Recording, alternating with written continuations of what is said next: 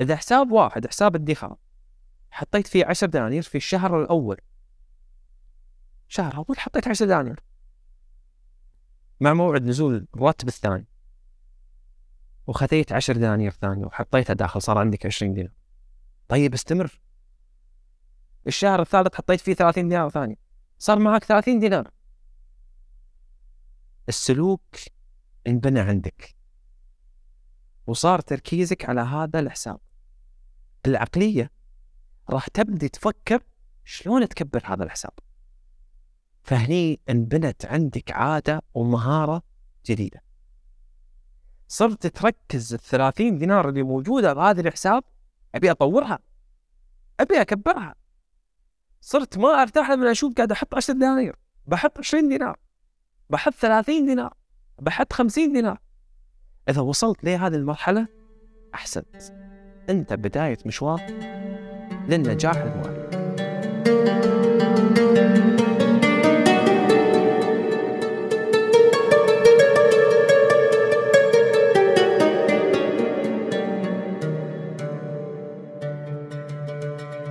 زي قول لي فكرة إنك تشتري حق عيالك هذه ماكينة ال ATM ال ATM بالبداية قعدت أفكر وايد وخذتني ال- ال- الذاكرة للسابق.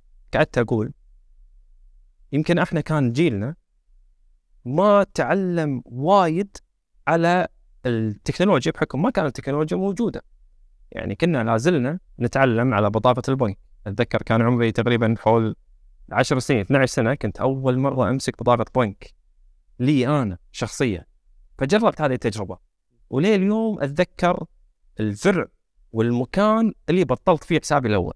فكانت تذكرة أو كان كانت آآ آآ تجربة ما تنسي لي اليوم فمن هذا المنطلق قعدت أشوف بالإنستغرام آه، شنو في جهاز مشابه لماكينة السحب. وحصلت هذا الجهاز شريته للعيال. آه، تعليقات يت ليش تعلم الطفل على المال أو شنو الفكرة ال ATM هذه؟ يعني شنو هي؟ فكرة ال ATM بكل بساطة كرت. يدخله في الجهاز ويقول له أبي أحط إيداع. ويحط إيداع. خمس دنانير عشر دنانير عشرين دينار. وتتم ال- ال- المبلغ يتم في هذا الجهاز. ومع الكرت. يا أنه يرد يستخدم الكرت مرة ثانية ويسحب طلع له. أو أني أنا أعطيه هذا الكرت وأعطيه الصلاحية أنه روح واسحب اسحب هذا المال لك. هذه فكرة الجهاز. تعطيه تجربة واقعية شلون ممكن يتعامل حتى مع البنوك. فبالضبط كأنه بنك ولكن بنك مصغر. بالبيت وبالبيت موجود ما تتعب حالك. هذه كانت فكرة الجهاز. يقول تعليقات الناس؟ تعليقات الناس كانت شلون تعطي طفل وتعلمه على على على البنك على ال ATM لا تعلمه على هذه السلوكيات. وهذه السلوكيات خاطئة. كانت وجهة نظري حق الموضوع زاوية أخرى. جربتها مع عيالي شفت شخصية تغيرت التعامل تغير الفكر تغير. ممكن تسألني شلون؟ اي شلون؟ قام حصل له مبلغ مثلا 10 دنانير قلت له تعال هذا العشر دنانير لك ترى مو لي. ولكن أنصحك نصيحة. حط جزء منها بالحساب وحط الجزء الثاني اشتري فيه اللي انت تبيه. واللي موجود بالحساب كبر هذا الحساب. حط عليه زيادة. لين ما يصير مبلغ انت تبيه. وإذا وصل لنفترض عند 30 دينار اشترى اللعبة اللي انت تبي اللعبة اللي انت تبيها. سبحان الله يصير تفكيره إن أنا عندي هدف. أبي أوصل حق هذا الهدف. أبي أجمع هذا المبلغ واشتري هذه اللعبة. ويوصل فعلا حق هذا الهدف. أول ما يوصل حق ال- ال- التارجت اللي هو حاطه من المال هدف المالي اللي هو كان ليفترض 30 دينار. شرى اللعبة سلوكه مع اللعبة مختلف. اي منها. اللعبة راح تصير آه غالية عليه ثمينة تعب فيها يمه. عكس باقي الألعاب. يعني عنده العاب لكن سبحان الله من بدء الألعاب اللي موجودة كلهم ما يهتم إلا حق هذه اللعبة. ليش؟ تعب لها. تعنى لها. فصار الشيء اللي يجمع له ويشتريه احس بقيمته أكثر.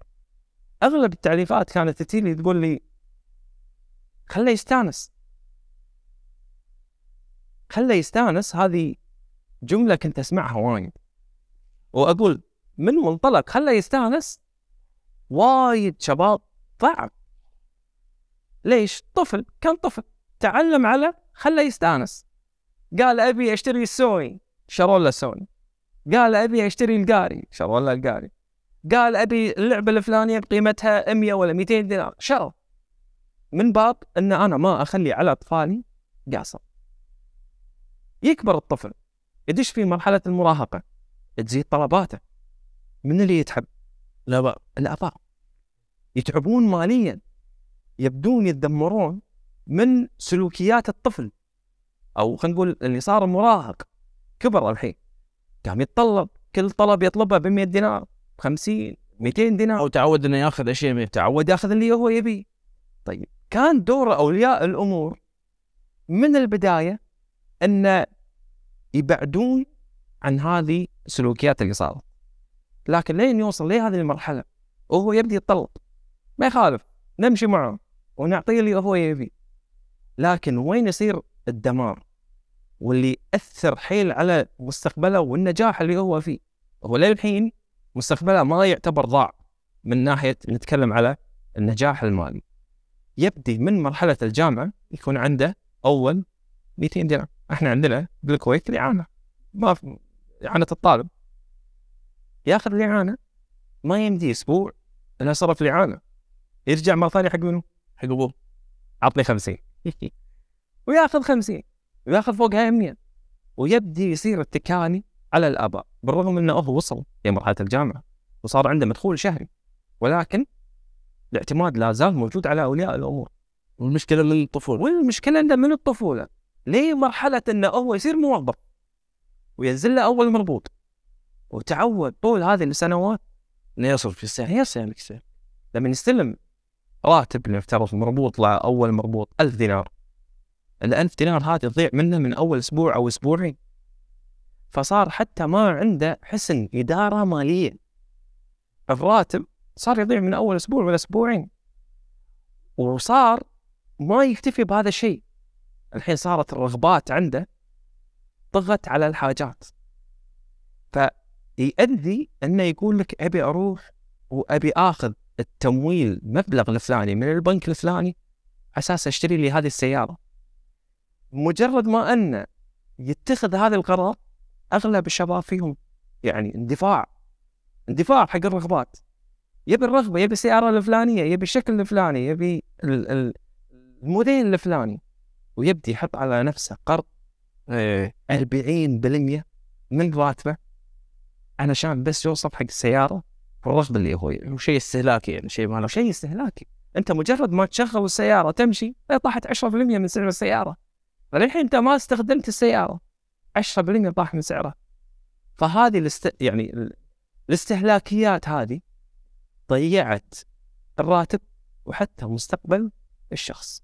ومن هنا تبدي اللي هو خلينا نقول ال- ال- الفشل المالي اللي هو يكون اللي هو فشل إدارة الراتب. فشل إدارة الراتب. أو الأموال عموما يعني أي مبلغ يجيك. صحيح. إذا شنو المهارات هذه؟ هل هي أول شيء موجودة بكتب يعني تقرأ ولا عبارة عن تجارب يعني حياة؟ هي في كتب تعطيك قواعد ودوم نسمع هذه القواعد. يقول لك على سبيل المثال يقول لك 60% اصرفها على الالتزامات و30% اصرفها لك أنت شخصيا. استهلاك. استهلاك. وناسة إيه. بوناسه ويبقى عندك 10% ادخرها.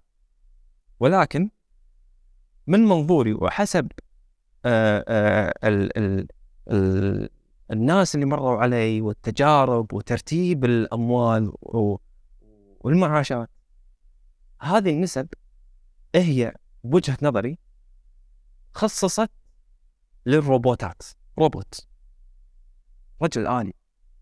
هذه ما تناسب طبيعة بشرية. ليش؟ من كل شخص وشخص التزام مختلف. عنده ظروف حياة عنده التزامات معاشه يفرق.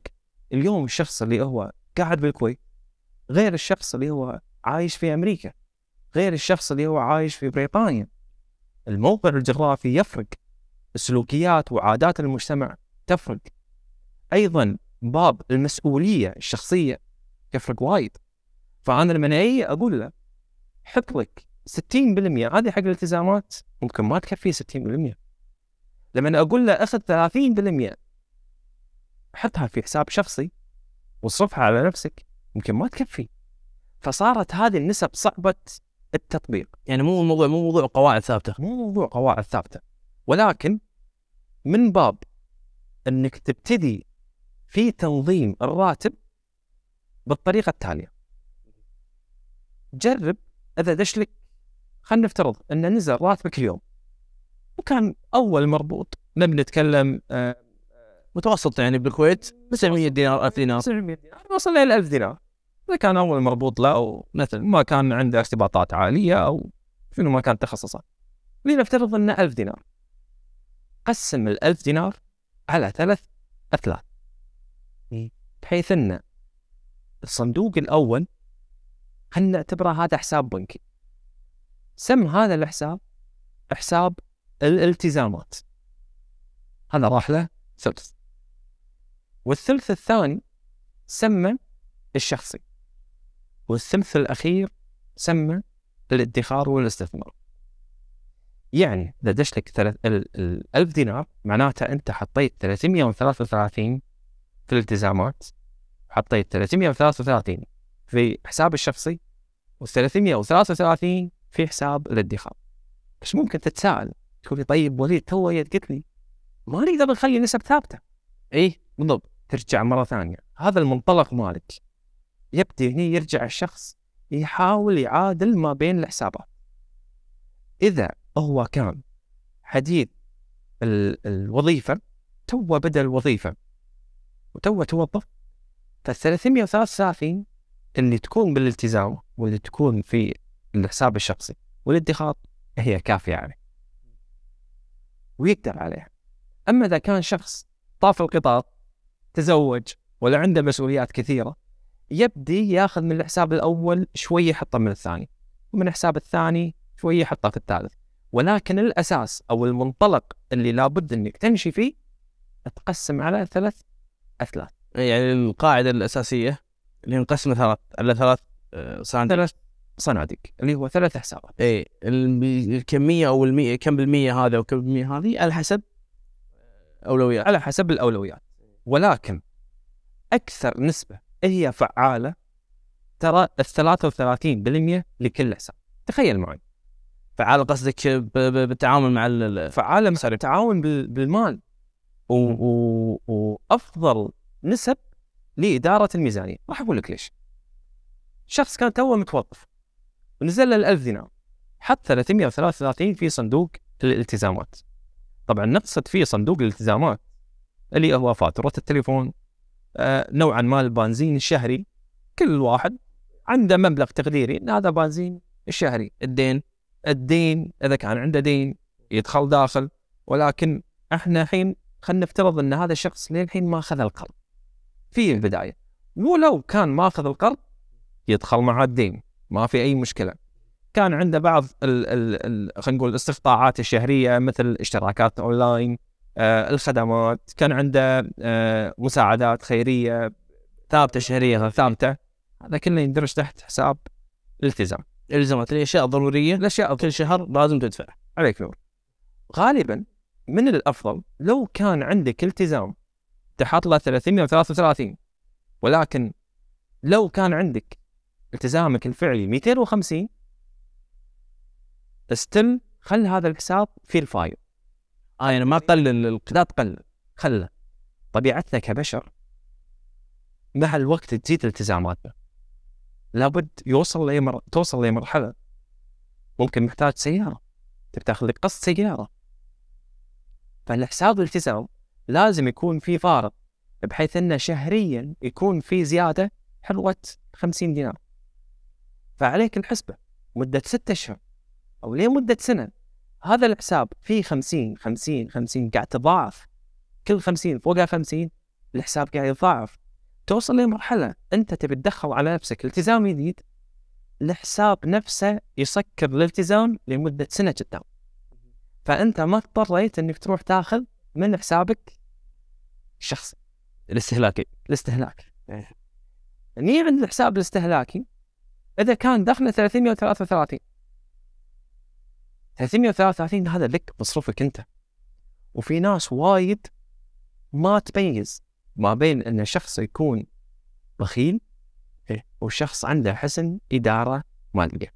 ترى ما يتشبه البخيل بالشخص اللي عنده حسن إدارة ماليه والأغلب يقول خلنا نستأنس ليش نقعد نطالع الفلوس وليش نحرم نفسه لا هو مو حرمان للنفس كثر ما إن الشخص يحاول يضبط العملية المالية. لو أنت اليوم كان عندك ميزانية لك أنت الحين من ال 333 اللي أنت حاطها لك قسمها على أربع أسابيع. راح يطلع معك تقريبا 80 دينار.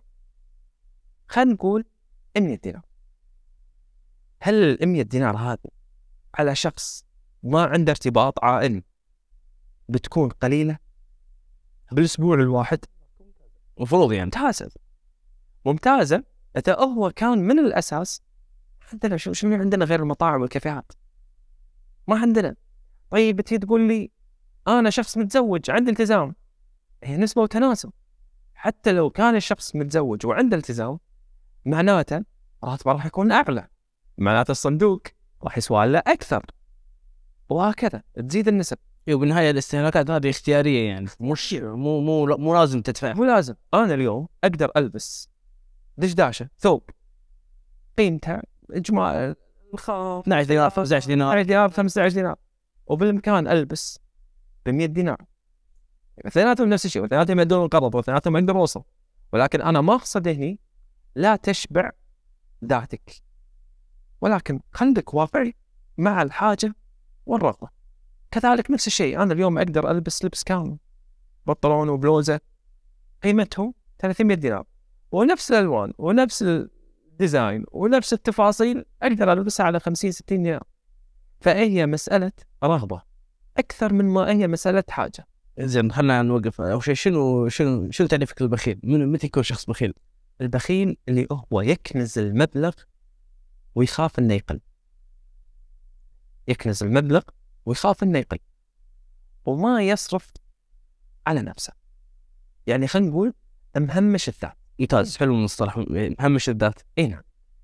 أما الشخص اللي عنده حسن إدارة مالية هذا يدخر ويستثمر.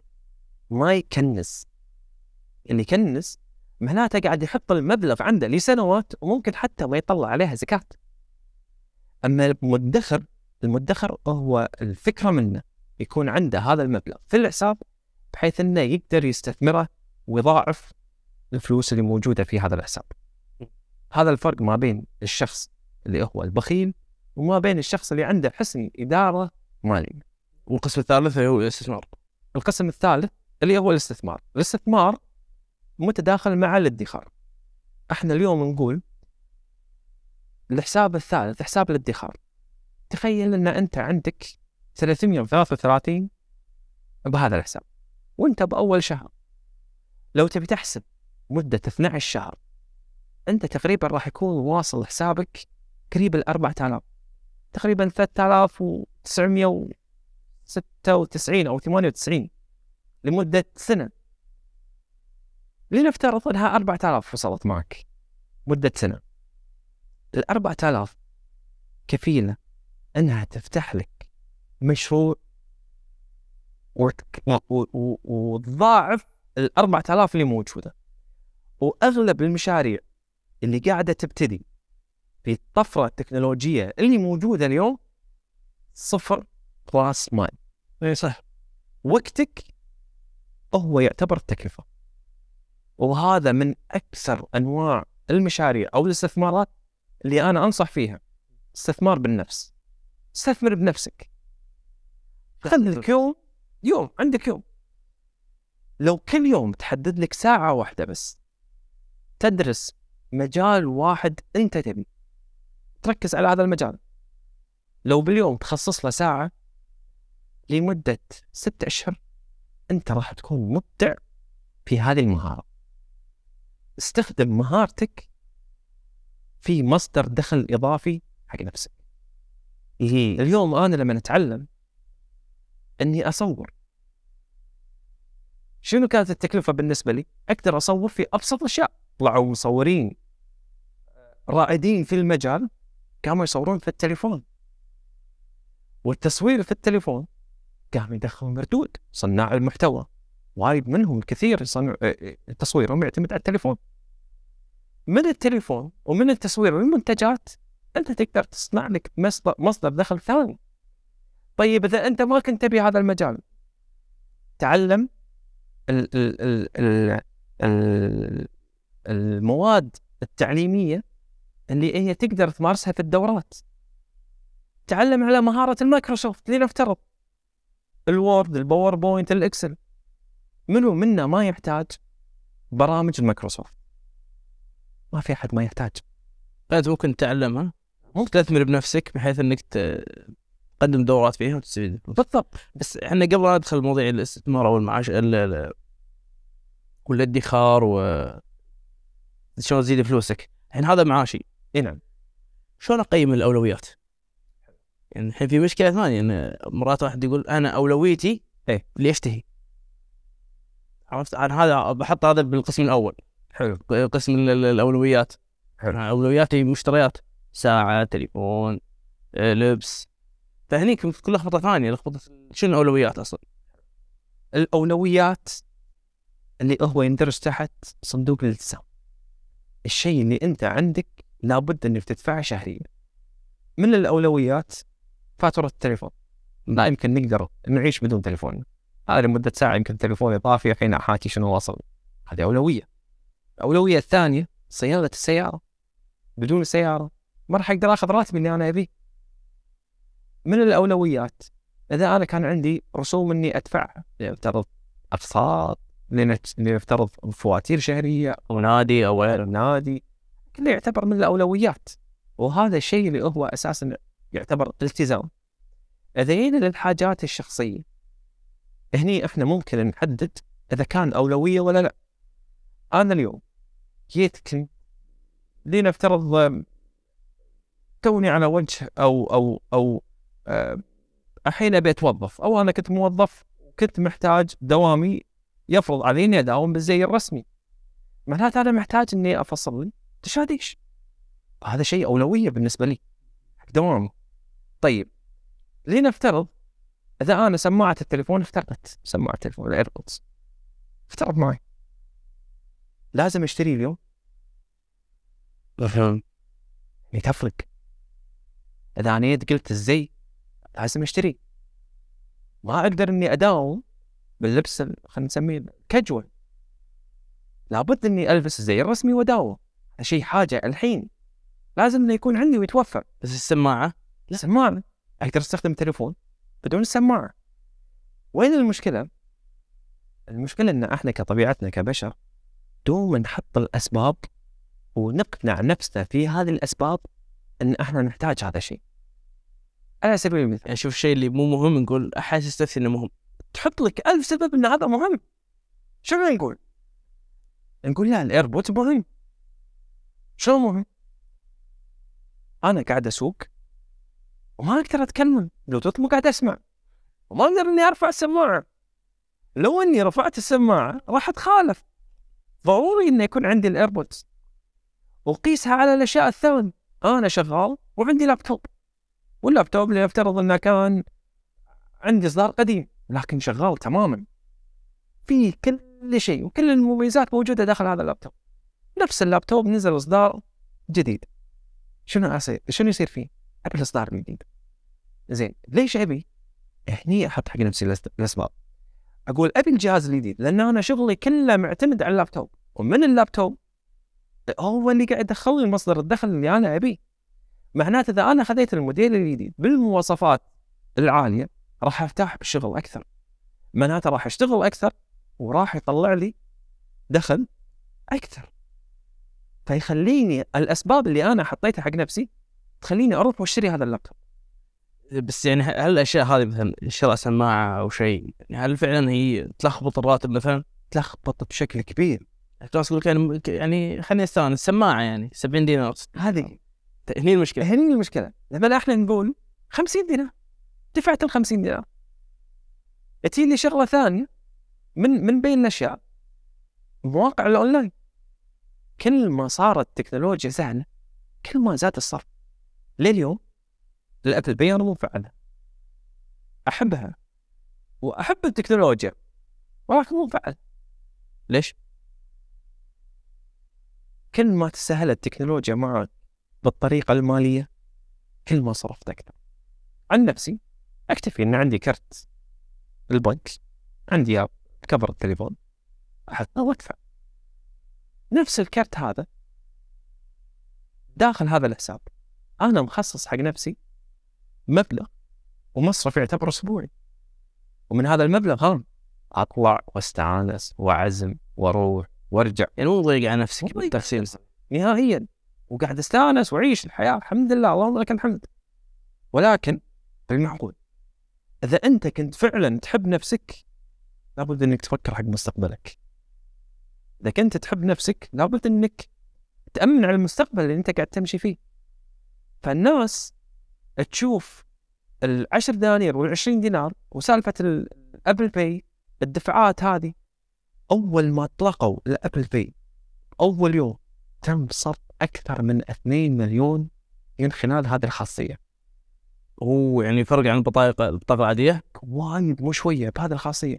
وأغلب اللي نطالعهم بال social media كانوا يعملون مستانسين. 10 ضرب 10 20 دينار.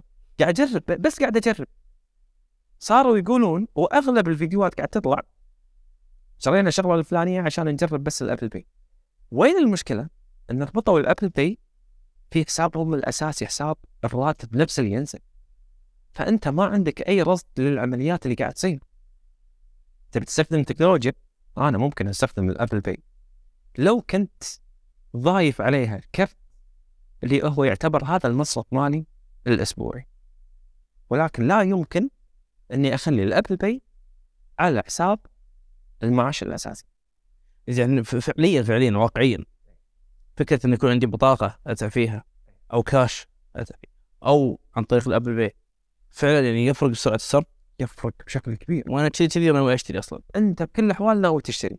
لكن خلينا نأخذها كسلوك شخص ماسك التليفون. تخيل نفسك إن أنت ماسك التليفون. من يعجبك؟ مثلا خلينا نفترض application حاط لك سبعة أيام جنبه ببلاش. أغلب الناس خلينا أشتري كم هذا؟ 10 دولار 3 دنانير طق الضغط- الضغطتين شنو صار؟ تن خصم فما بالك لو شخص كان يقول أنا بستخدم مثلا الفيزا. سرعة الشراء في ال Apple Pay تكون وايد أسرع من شخص ماسك الكرت وقاعد يحط الرقم ال serial number ويحط الرقم الموجود في ظهر البطاقة ويحط رمز التفعيل ويحط البيانات هذه. هذه السرعة هي اللي راح تلعب معاك دور لما تتسوق بالأونلاين. وأغلب الخلل قاعد يصير في تسوق الأونلاين. نفس ما قلنا كل ما زادت أو كل ما تطورت التكنولوجيا زاد الصرف. أحد مؤسسين شركات الشحن التقيت فيهم في مؤتمر كبير كان في دبي. قال لي وليد. تدري شنو أعلى دولة صرف على منتجات الأونلاين بالخليج؟ قلت له وين؟ قلت توقعت السعودية. يعني قوة. بلد السعوديه في عندهم قوة شرائية وتعداد سكاني كبير. راح بالك خلاص بيقول لي السعوديه شوف لي الكويت بحكم أن هم شركة لوجستية. شركة معروفة. رائدة. ويشحنون البضاعة اللي موجودة من أمازون ومن باقي المواقع. يقول لي كنا نشحن طلبات حق دول الخليج واللي كانت أعلى دولة قاعدة تتم عمليات الشحن لهذه الدولة كانت الكويت. كلها مشتريات الأونلاين. فما بالك لما إحنا نقول إن كل بياناتك مسجل داخل المواقع. الحساب وشخص بس عنده حساب واحد هو حساب الراتب. هو نفسه اللي يقول أنا بدخر فيه. هو نفسه اللي يدفع منه الالتزامات. وهو نفسه اللي حاط له مبلغ الشهري اللي هو يعتبر المصروف الشهري منه. شنو صار؟ اختلط الحابل بالنابل فهذا وصل لين نهاية الشهر. أساسا يمكن ما نهايه الشهر طموحه يوصل لنهايه الشهر معاه دينار. ولكن وصل لنص الشهر ما بقى معاه دينار. بسبة شيء بسيط. لو سوى أول بداية ايداع الراتب كان مقتنع تماما ما راح يوصل. سام ما تقدر كذي. الحين الإنسان إذا عنده دخل ثابت هل فعلا مهما كان هذا الدخل راح يعرف يتعامل معاه؟ ولا فعليا لا زيده لأنه ما يكفيني؟ أو في ناس لابد أن يعتمدون على الدخل الإضافي. وأغلبهم الشريحة هذه من الناس هي اللي اللي طاحوا في الأغلاط بداية مشوارهم. اللي خذ قروض اللي كان عنده آه، ديون دش فيها وعنده التزامات دش على أسرة صار عنده عيال صار عنده بيت يصرف عليه. أغلب الأشخاص هذولي هم يحتاجون أن يطورون دخلهم المالي لابد يكون عنده دخل إضافي. أما غالبا الشخص اللي حتى لو كان عنده قرض ولكن كان عنده حسن إدارة مالية بسيطة أو كان يعرف يفرق ما بين الحاجات والرغبات هو يقدر يستمر على معاشه بشكل عام دو أنصح أن الشخص يتجه للدخل الإضافي. واليوم أساليب أو طرق الدخل الإضافي أسهل منها صار يعني من السابق يعني من السابق صار الشيء وايد أسهل أن الشخص يخلق له دخل إضافي. ولكن لنفترض أن عندنا نوعين من الناس. عندنا شخصين. شخص راتبه 500 دينار. وشخص راتبه 1000 دينار. تخيل ان اللي معاه 500 دينار. غالبا يعرف يدير راتبه أكثر من الألف دينار. واقعيا هذا. واقعيا. ويبقى معاه فلوس أكثر من اللي عنده ألف دينار. وين المشكلة؟ كل ما زاد الدخل زادت المصاريف هذا الواقع. وهذول النوع من الناس تمثل 80% من معظم الناس اللي موجودين من سلوك الناس البشر. 80% منهم يعتبرون من الطبقة الوسطى أو الأقل. يشكلون 80% 15% تسمى الأغنياء. 15% الخمسة بالمية هم الأثرياء. في فرق ما بين الأغنياء والأثرياء. والأثرياء. الأغنياء اللي هم ثروتهم ما تورث للجيل القادم.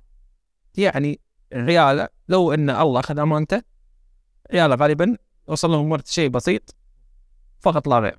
بس هو عايش غني مع نفسه. هو عايش غني مع نفسه. شلون؟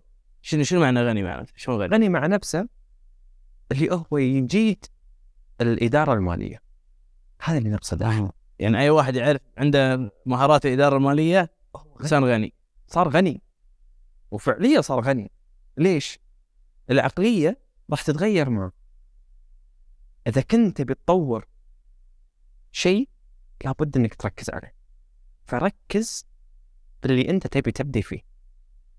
إذا أنت كان عندك حساب موجود وأغلب الناس يقولون إحنا ما نقدر ندخر الالتزامات صعبة. وممكن الطريقة اللي ذكرتها من شوي اللي هو شخص يحط ثلاث صناديق معه ما تناسب الكل. ممكن يوصل لمرحلة ما بقى شيء من حسابه الشخصي أو التزامات كلت الصناديق الموجودة. راح أقول له أتبع هذه الاستراتيجية.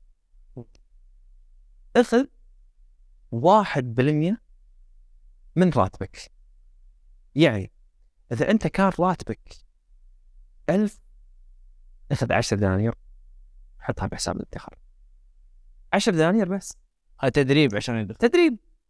وهذا الحساب راح يكبر معك. شلون؟ أنت خذيت عشر دنانير. مع أن أنت التزاماتك كثيرة ولا مستحيل إنك تفتح ادخار. ما تقدر تدخر من راتبك لو فلس واحد. أخذ بس عشر دنانير. غالبا هالعشر دنانير ما راح تسبب خلل في ميزانيتك نهائيا.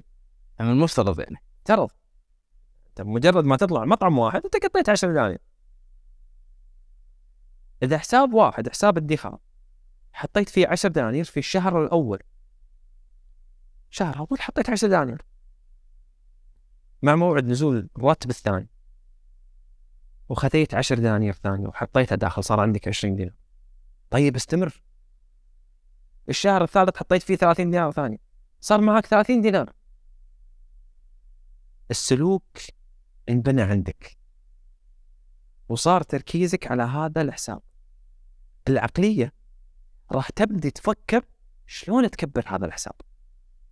فهني انبنت عندك عادة ومهارة جديدة. صرت تركز الثلاثين دينار اللي موجودة بهذا الحساب أبي أطورها. أبي أكبرها. صرت ما أرتاح لما أشوف قاعد أحط 10 دنانير. بحط 20 دينار. بحط 30 دينار. بحط 50 دينار. إذا وصلت لهذه المرحلة أحسنت. أنت بداية مشوار للنجاح المالي. وهذه المرحلة تتسمى أو تكون من ضمن الأغنياء. عمره ما كان الرصيد الموجود. هو يحدد إذا أنت كنت غني ولا مو غني. اليوم أنا ممكن أكون غني. بفكري ممكن أكون غني بنظر الناس.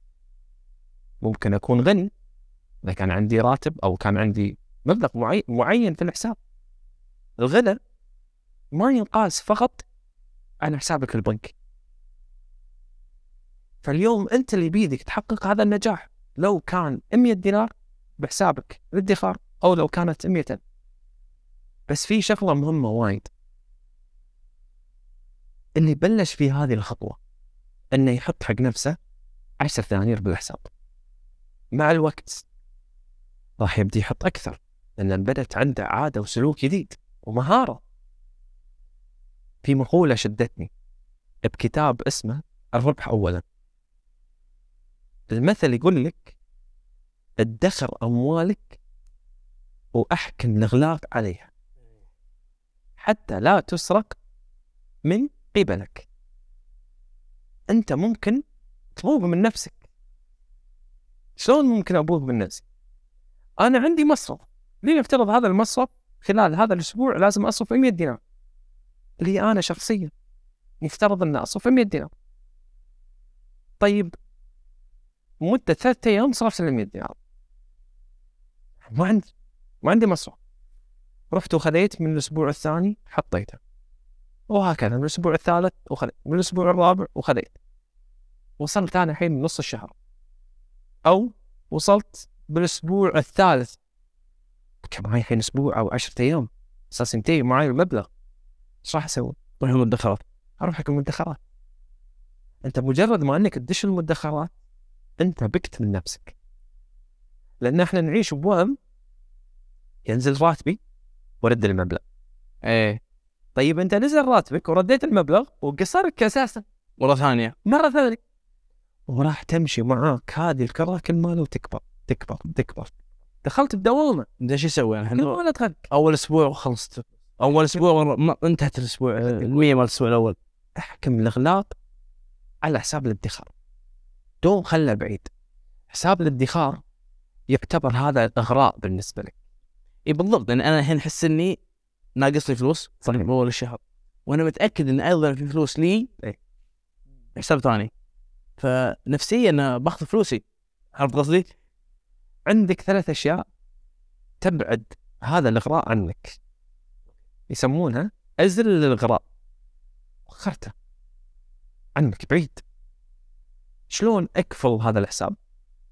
عندي ثلاث حلول. نبلش بأسهل حل. الحل الأول إن بحسابي نفسه اللي موجود اللي ينزل عليه الراتب ونفسه آه، اللي حاط فيه حساب الادخار حسابي الشخصي.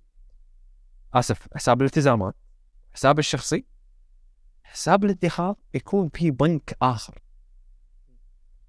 ولما أفتح هذا الحساب ما أصدر بطاقة سحب حقه.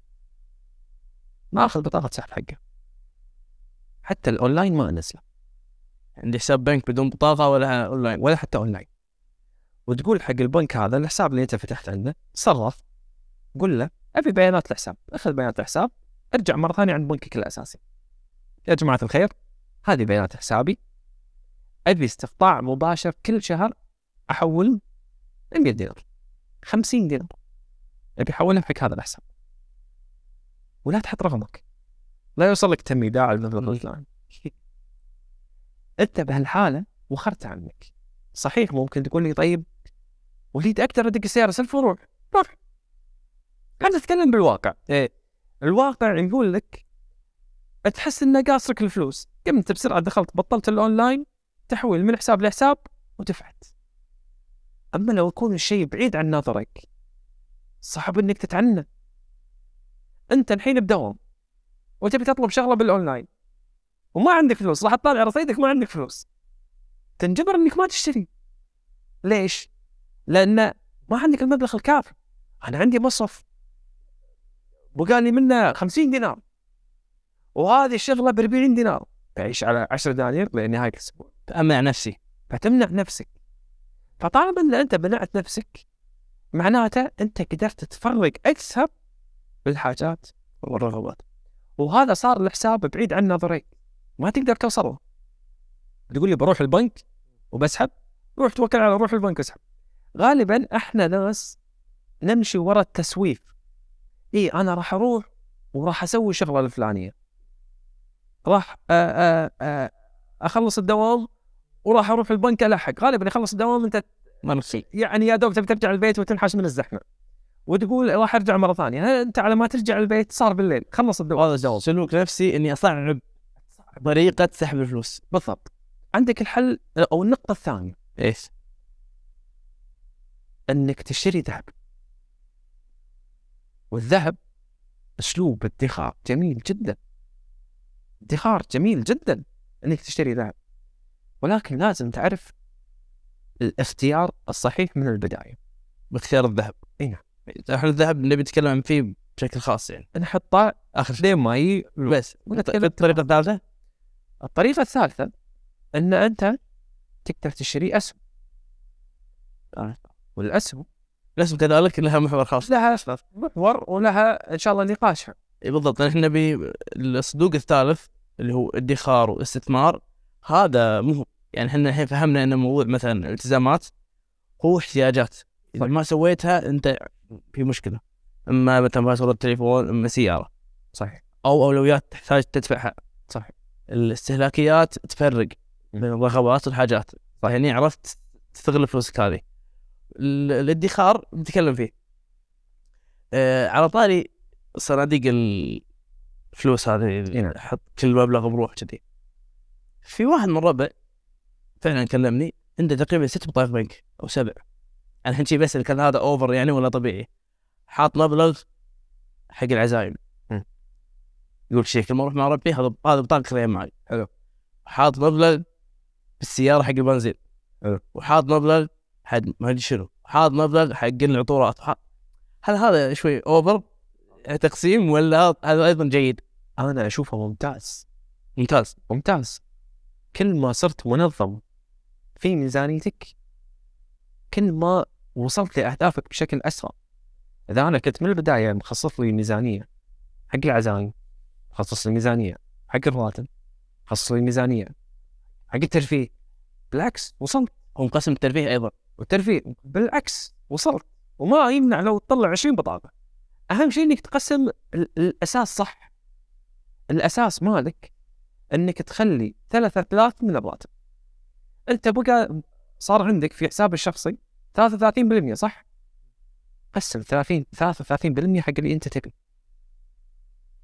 تبي تحط 5% تروح حق العزايم تبي تحط 5% تروح حق ال- ال- ال- الترفيه 5% تبي تروح حق المشتريات. أنت حر.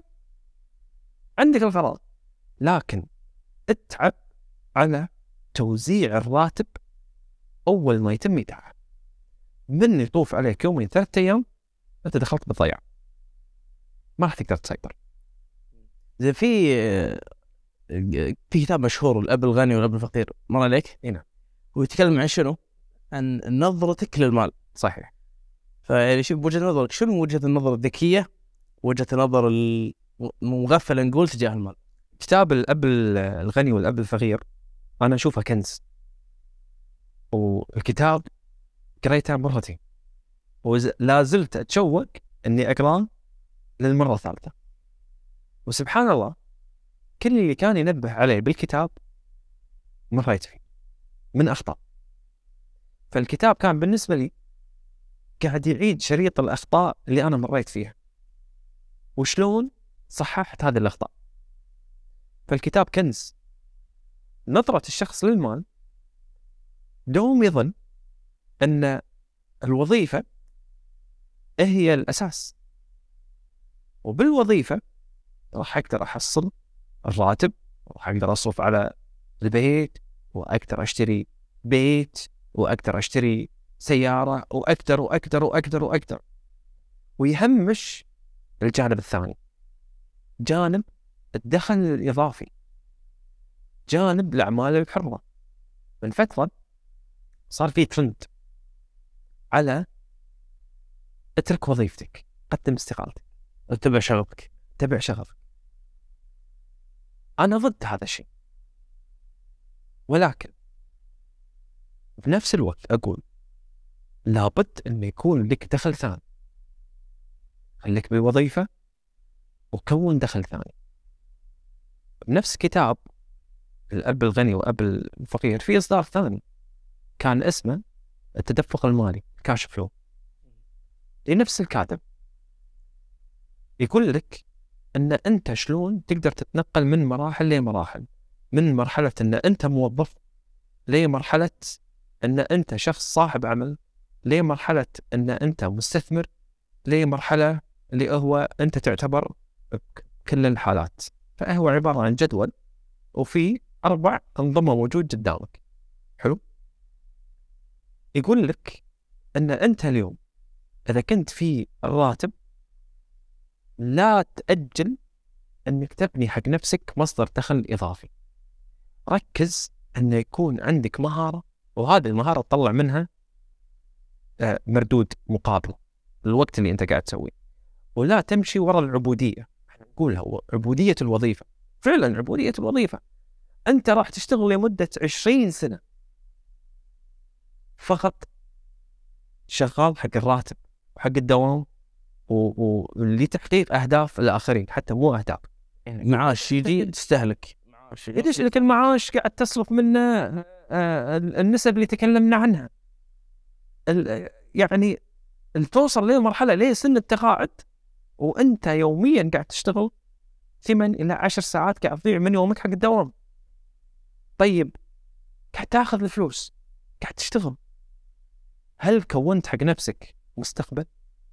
هل وصلت لسن التقاعدي عندك راتب قاعد يمشيك؟ هل كونت حق حق حق ال ال عيالك ثروة؟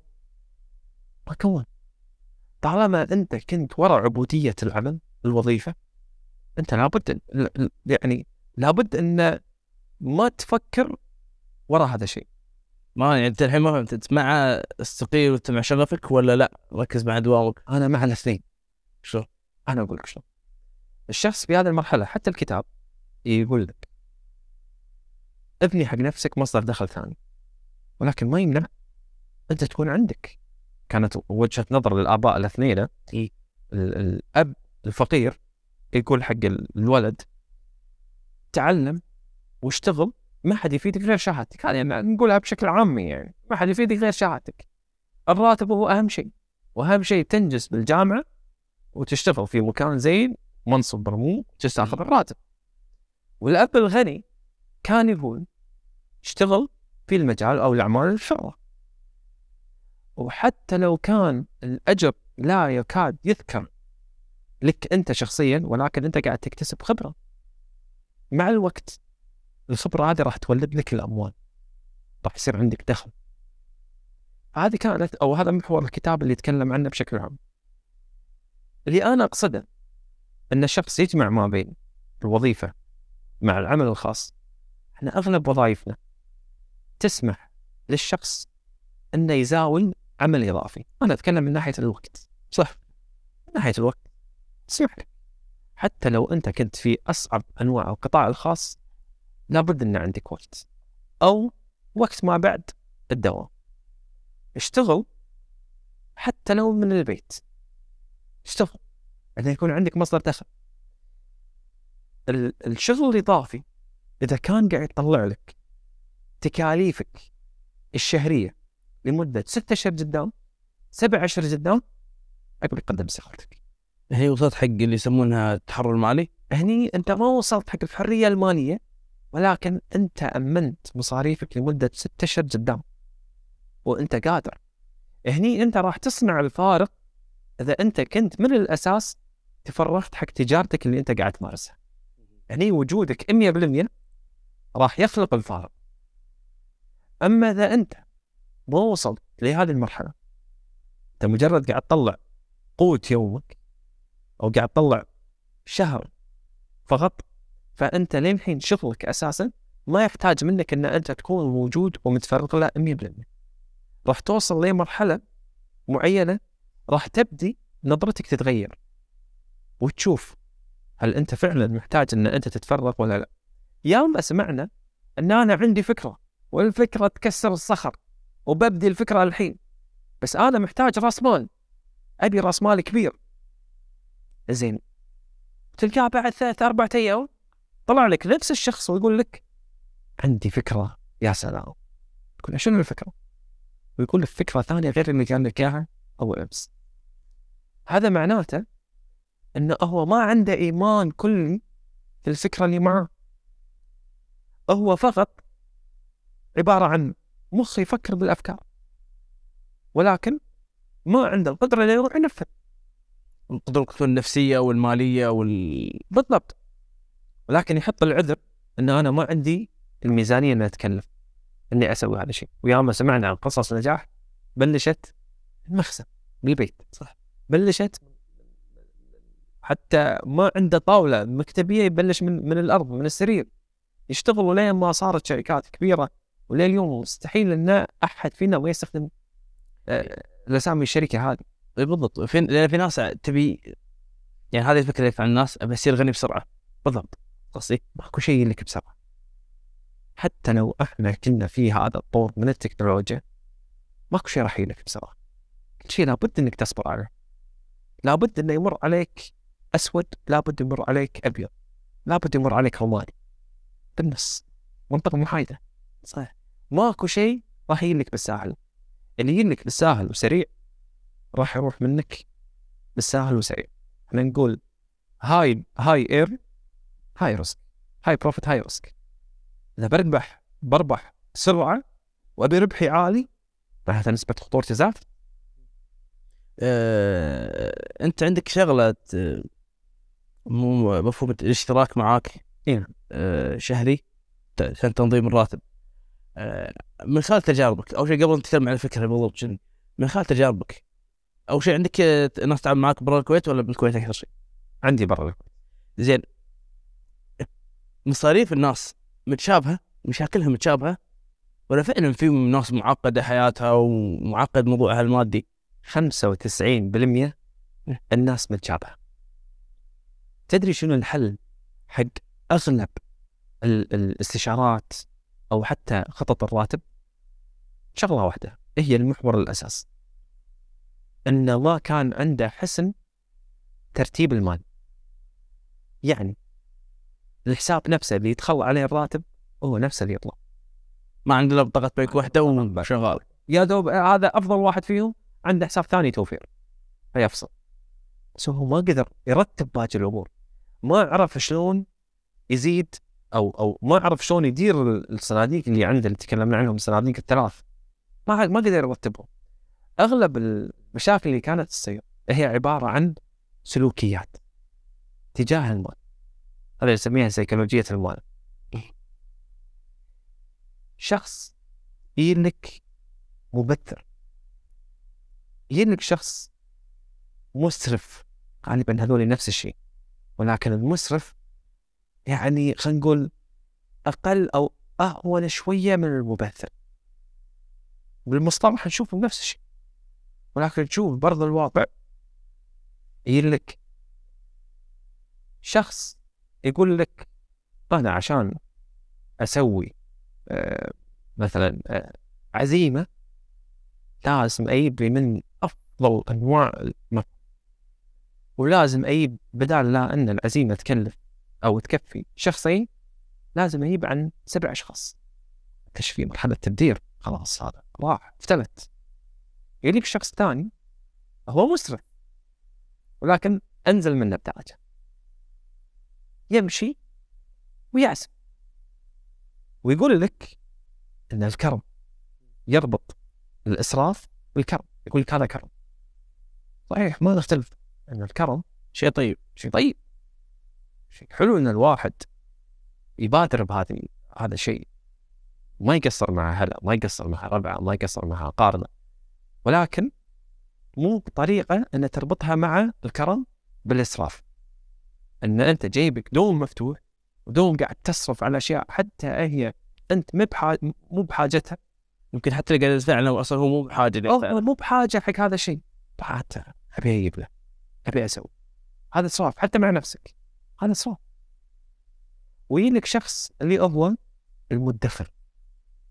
يجي لك شخص المستثمر كل واحد تعامله مع المال مختلف.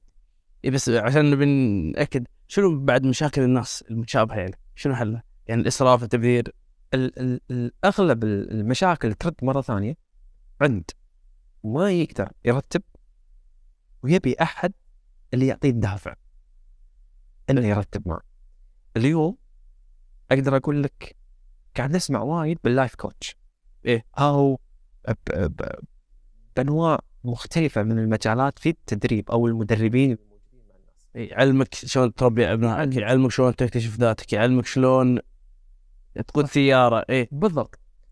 اليوم صارت الرغبة على مدرب ال ال خلينا نقول الشخص اللي يعطيك التوجيهات في المجال المال. صارت الحاجة تلقى عارفين ممكن يديرون الراتب وفي ناس ما عليهم قاصر أصلا براتبهم.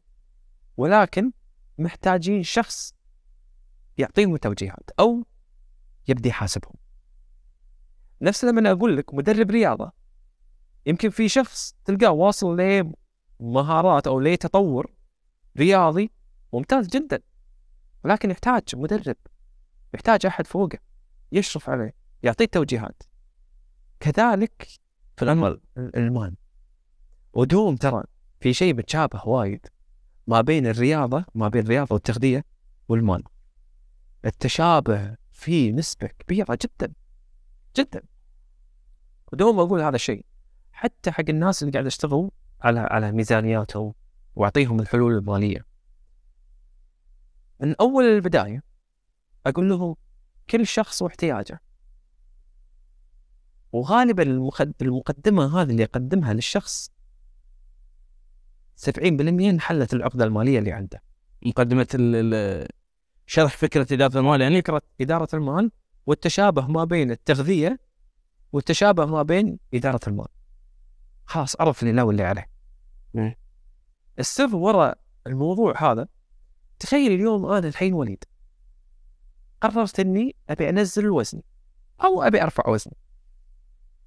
لابد أن وليد اليوم عن مجهد وليد اليوم بناء على حركته وبناء على حاجته اليومية من السعرات الحرارية يحتاج هذا الجدول الغذائي. وهذا الجدول الغذائي هو اللي راح يساعد وليد حق هدفه. في خلينا نقول رفع الوزن. مجبل ما أبي أقول نزل الوزن الحين نسيت تقول لي ليش أنا شيء لا لا. مجبل قرر إنه يزيد وزنه مع وليد. لكن جدول وليد مو متشابه مع جدول مجبل وليد حركته اليومية غير عن حركة مجبل وليد طبيعته باليوم طبيعة عمله وبيئته مختلفة تماما عن مجبل فهني أنت لك حاجة ولك خطة معينة حق النظام الغذائي وأنا لي خطة معينة حق النظام الغذائي والنظام الغذائي الخاص بمجبل وخاص بوليد أثنيناتهم إذا بنوا على نظام قاسي راح يعطي نتيجة حلوة وسريعة النتيجة. ولكن تذكر تو شنو قلنا؟ اللي يجي بسرعة يروح بسرعة. لأنك محروم. لما الشخص يحس نفسه إنه مقصر مع نفسه أو محروم ما راح يستمر. والنجاح بكل شيء إحنا نتكلم فيه باستمراريه أما إذا كان النظام معتدل راح نشوف نتيجة على المدى البعيد ولكن النتيجة النهائية مرضية. وراح يكون في سبب يخلينا نمشي بال- بالجدول في استمرارية لأن الشخص مو مقصر على نفسه. اللي ذكرته كله حطه حق المال إذا حطيت حق نفسي من البداية خطة مالية قاسية وللأسف إن أغلب الناس قاعد يطيحون بهذا الغلط. ليش؟ أغلب الناس اللي قاعدين هم قاعد يقولون إحنا جربنا إن نحط حق نفسنا خطة مالية. بس ما نجحنا. لأن قاعد يروحون ورا الخطط أو النسب اللي قاعد تنذكر في السوشيال ميديا. نسب 20% ال 40% وال 10% لا يمكن بناء خطة على هذه النسب. بالنهاية إحنا بشر. كل شخص له احتياجه. فإذا انبنت على هذه القواعد وعلى هذه النسب راح يصير نظام قاسي. صعب الاستمرارية بيصير. بيلتزم شهر بيلتزم شهرين ولكن بيشوف النتيجة حلوة ونتيجة سريعة صار عنده بحساب هذا المبلغ ولكن ما راح يكون في استمرارية. فهذا شيء وايد يعانون من الناس اللي بحكم تعاملي معه يبقى الجانب الأخير منهم. هم مو قادرين يتعاملون مع حسابهم المدخرات أها. شنو قلنا؟ قلنا أزل الإغراء عنك وخر الإغراء. هذا حساب المدخرات هو عبارة عن إغراء. وخر عنك. يواجهون مشكلة في حساب الادخار. فأغلب الناس لو نلخص التجارب ما بين أول ما يتم إيداع الراتب مو عارفين التنظيم الصحيح. ما بين الناس مو عارفة فعلا حاجتها ومحتاجة شخص يتابع معه. وين واصلين؟ يعني بين له اولويات أو يقول له. وقف كذي سوي كذي. بالضبط. ومحتاجين شخص يوصل الاغراء عنه في آه، آه، خلينا نقول آه، أصول ممكن ترد عائد حلو حق هذا الحساب الادخار أو في بعض الحلول المالية اللي تبعد الشخص عن هذا الحساب. هذا اللي أغلب الناس اللي قاعدين يعني خلينا نقول آه، التعامل معاهم الفترة الأخيرة. زين والفكرة هذه أول شيء أنا على فكرة أول مرة أسمع فيها عندك. موجودة هي بالوطن العربي وشي منتشرة؟ آه، أمانة آه، اجتهدت إني أشوف شيء ولكن ممكن أنا ما وصل حق أحد يقدم هذه الخدمات. ممكن بلى ينمون هذه الخدمات.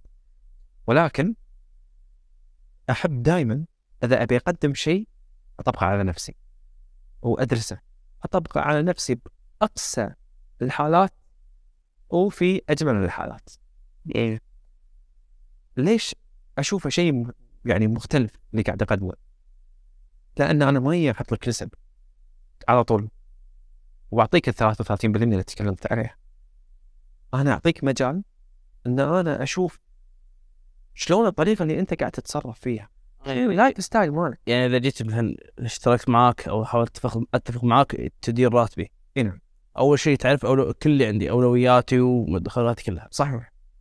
ثاني خطوة أعرف الروتين اللي أنت عايش فيه. واعطيك نظام بحيث ان انت تكتب التفاصيل هذا. نظام طبقته بحيث ان تكتب التفاصيل هذا. التفاصيل راح تعرفني شنو طبيعة مجبر شنو اللي متعود عليه؟ وين يروح؟ وين يرجع؟ شلون قاعد يصرف فلوسه؟ شنو الأشياء اللي يحبها؟ وين قاعد يصرف أكثر شيء؟ بناء على طبيعتك وسلوكك ابني الخطة عليها. بحيث إن الخطة تكون ماشية تماما مع ال lifestyle اللي أنت فيه. ارد وأكرر لأن إحنا بشر. إحنا مو عبارة عن آلات مسيرة. فكل شخص في كل شخص منا له حاجة وله نظامه الخاص. فلهذا السبب أنا أعتبرها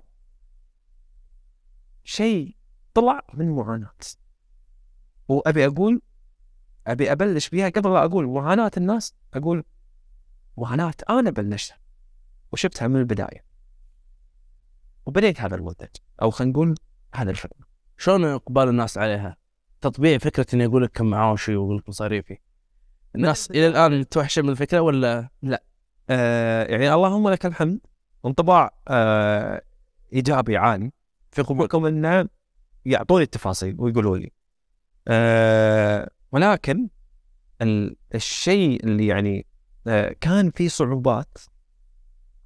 صعوبات بسيطة إن هم يكونون خايفين يتخذون هذه الخطوة ويصيرون أو يصنفون من يتشبهون بالشخص البخيل. فهم بس الصعوبة البد... ال- ال- الأساسية إن أنا راح أصير بخيل. فقط. الفكرة عنده إذا ارتب معاشي راح راح أصير هنا تلقائيا على بال على طول. هذا صعوبة العائق أما ما بعد هذا العائق لا في إقبال عالي وفي إقبال وايد عالي إنه هو يقعد ويقول التزاماته ويقول راتبه ويقول التفاصيل كلها. يعني بالنهاية هذه التفاصيل وهذه البيانات هي اللي راح تكون من صالحه هو في حال إنه هو يبي يوصل حق هدف معين. أنا اليوم لا يمكن إن أقدر أسوي دراسة مفصلة وخطة مفصلة حق مجبل إذا أنا ما اعرف طبيعة عمله. إذا ما أنا عرفت الالتزامات اللي عليه. إذا أنا ما عرفت روتين إذا أنا ما عرفت عمرك. في ناس تتحسس بأكثر من نظام ثاني لو أنا اليوم في هذا البودكاست وهذه الحلقة. لو فجأة أسألك مجبل كم عمرك؟ تحسس. السؤال يعني خاص خاص. أقول لك كم معاشك؟ سؤال خاص يعني ما يناسب إن أنا أجاوب. ولكن إذا كان الموضوع مال كل شيء مفتوح لك. ممكن أستفيد منك. أنا أستفيد. الغرض من إني أنا أسألك اليوم مجبل كم عمرك؟ لو أنت جاوبتني إن أنت كنت في مرحلة دون العشرينيات في مرحلة نسميها تعش العامي أنت راح يكون لك تعامل خاص ومختلف تماما عن الشخص في عمر العشرينيات. من الحلول من الحساب الادخار اللي نتكلم عنه. شخص في مرحلة العشرينيات ال- الخطط والحلول المالية تكون مختلفة تماما عن شخص في مرحلة الثلاثينيات. شخص على وجه التقاعد لا يتقارن تماما مع شخص في مرحلة العشرينيات. كل فئة عمرية لا تعامل خاص. لها تعامل خاص فيها. فالهدف من إني أسألك العمر أساس اعرف وين أصنفك. كذلك على المعاش. لما أسأل عن معاشك أعرف وين أصنفك. كذلك لما ح- حالتك الاجتماعية. آه، أعزب ولا أتزوج. أعرف وين أصنفك وأعرف شنو الحلول اللي أحط لك إياها. فهذه كلها متغيرات تأثر حتى مو بس كخطة أن أبنيها حتى تأثر على الشخص نفسه وعلى القرارات اللي هو راح يتخذها في مجال المال نفسه. لأن أنا أعرف ميزة الف- فكرة إدارة المال أه باكد على المعلومة. هل ممكن شخص يجيك دائما مفلس مع إدارة المال يصير غني يصير موفر معاه ويصير في عنده حساب ادخار ويصير استثمار وايد وايد وايد. وهذا اللي إحنا ذكرناه إن اليوم الغنى مو شرط يعتبر آه، كم عندك حساب البنك. غنى بإدارة الاموال غنى بإدارة المال الصحيحة الشخص اللي يقول لك أنا دائما مفلس لو ترجع معه وتقول له أخذ ورقة وقلم. سهل على نفسك خذ تليفون دش نزل تطبيق. هاي التطبيقات فيها حق إدارة المال اكتب لمدة شهر بس. اكتب المصاريف اللي أنت تصرفها يوميا. دفعت الحين بنزين دفعت خمس دنانير. اكتب بنزين خمس دنانير. رحت شريت اغراض من جمعية 20 دينار. اكتب اغراض من جمعية 20 دينار. رحت المطعم الفلاني قطيت 30 دينار. اكتب المطعم الفلاني 30 دينار. دشيت تسوقت دفعت 150 دينار. اكتب. رحت السوق ودفعت 150 دينار. وافرق بين شيء العزومة ولا شيء خاص فيه بعد. اكتب. اكتب. اكتب. اكتب. اكتب. اكتب. كل اللي تبيه اكتبه داخل. تعال نهاية الشهر. بطل اللي انت كتبته راح تلاحظ في مصاريف اندفعت. انت بغنى عنها. أغلب من الناس اللي يقول لك أنا ما عندي أغلب. أنا ما أبي أقول الكل ما أبي اعمم ولكن بقول لك الأغلب هو يواجه صعوبة في إدارة في صعوبة في إدارة المال. فالمفلس اللي يقول لك أنا ما عندي كله شغلة واحدة ارجع واكتب. أغلب ال- ال- اللي كانوا حتى المشتركين معي والله العظيم مجبل آه، كنت أستانس وأضحك والشخص معي يضحك. أقول له قبل ما اعطيه الخطة. له راح أطلب منك شغلة واحدة. اكتب مصاريفك لمده شهر. يكتب. هذا قبل لا يطبق. خطة. في اللي يقول لك بطبقها بعد شهر. في اللي بطبقها الح- الحين. أقول اكتب مصاريفك لمدة شهر. يكتب مصاريفه لمدة شهر. وأكون معطيه شلون؟ يكتبها وين؟ التفاصيل هذه. يجي لين الوقت المحدد. قبل الراتب بيوم. نكون حاطين لنا اجتماع مسبق من يوصل قبل الراتب بيوم يكون في اجتماع. اتقعد سواء كان اونلاين ولا كان بالحضور. يضحك يضحك يضحك يضحك. يقول لي والله منحرج أقول لك أو أراويك الخطة. أو أسف المصاري. صريح قال ليش تضحك؟ يقول لي عرفت وين الخلل. هو اكتشف على نفسه. ما اقعد معك عرفت وين الخلل؟ له شلون عرفت الخلل؟ يقول لي شفت المصاريف. أنا قاعد أصرف هالكثر بالمطاعم. أنا قاعد أصرف هالكثر على الرسومات قاعد أمشي وأعزم.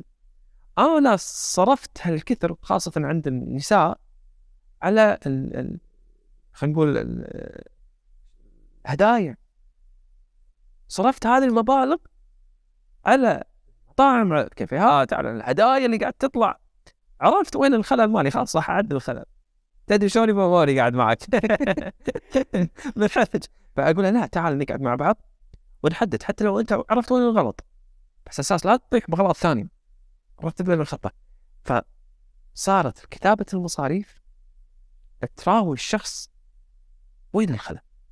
وفعلا متأكد تماما يقينا و100% من جميع الناس لو انه بس كتبوا مصاريفهم لمدة شهر راح يعرف الخلل وين زين دائما يتهمون أخواتنا نساء إنهم ما يعرفون يتصرفون بالفلوس من واقع تجربة مع ناس النساء أفضل ولا الرجال بالتعامل مع الأموال؟ تصدق ترى دوم يقولون النساء ما يعرفون يتصرفون بالمال. ولكن النساء ترى أذكياء.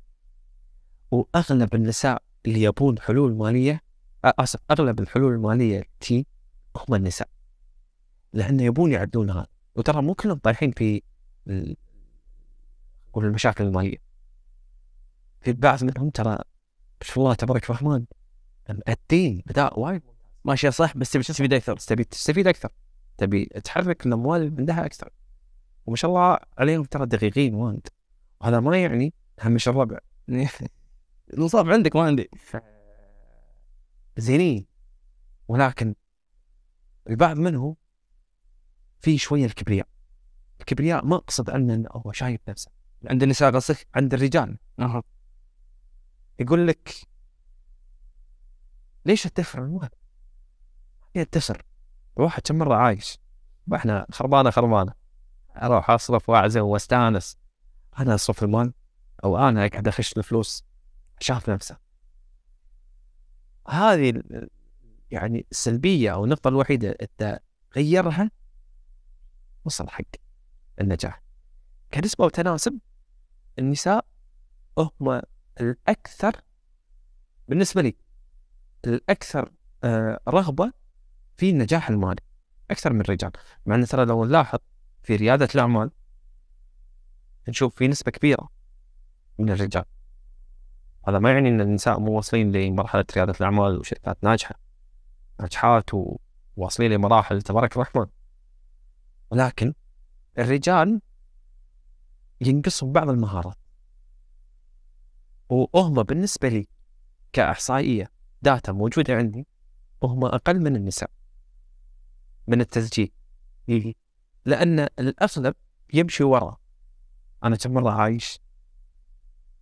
وخل استانس أما النساء من خلال حتى قاعدة البيانات الموجوده عندي هم قاعد يركزون أكثر في الحرية المالية وفي ال- ال- الترتيبات وحكم البنات ترى هم مرتبات أكثر. طبيعتهم يعني طبيعتهم هم مرتبات أكثر.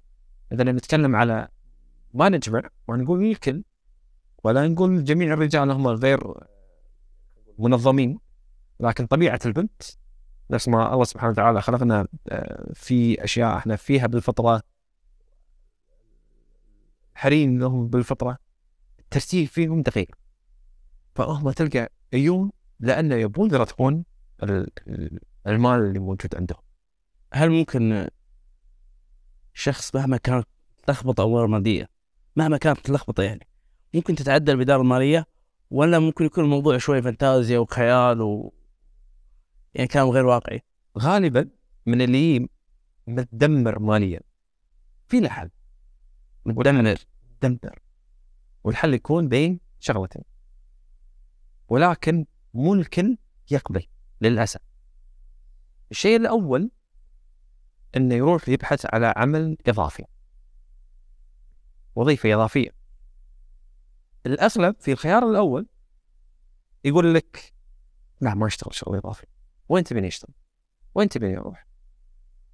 وايد في أماكن تقدر تتوظف فيها وظيفة إضافية والبعض من الشركات عن بعد أصلا يعني بكل الأحوال سواء أنت كنت مدمر ماليا أو كنت للحين يعني حتى ما وصلت لهذه المرحلة كنت مرتاح ماليا ما يمنع إذا كان عندك الوقت إنك تروح تشتغل. وفي النوع الثاني اللي يقول لك ما أبي إني أبتدي أو أشتغل آه، أكون حق نفسي دخل ثاني. يعني ما أبي أبتدي مشروع. ما أعرف إني أشتغل. ما أبي أشيل مسؤولية. ما أبي أتعامل مع الناس. ما أقدر. فهو يكون ما يبي حل إنه يكون آه، إنه تكون عنده وظيفة إضافية وما يبي آه إنه يروح ويكون حق نفسه مشروع.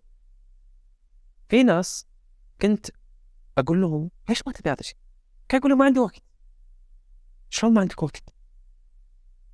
لو بقعد يعني لو التليفون نفسه تليفون كل شخص الحين قاعد يشوفنا يدش على settings ويشوف معدل استهلاك التليفون راح ينصدم إنه كم ساعة أصلا قضاها على انستغرام كم ساعة صرفها على سناب شات كم ساعة على يوتيوب كم ساعة بالتليفون كم ساعة واتساب تنصدم من كمية استهلاك هذه البرامج.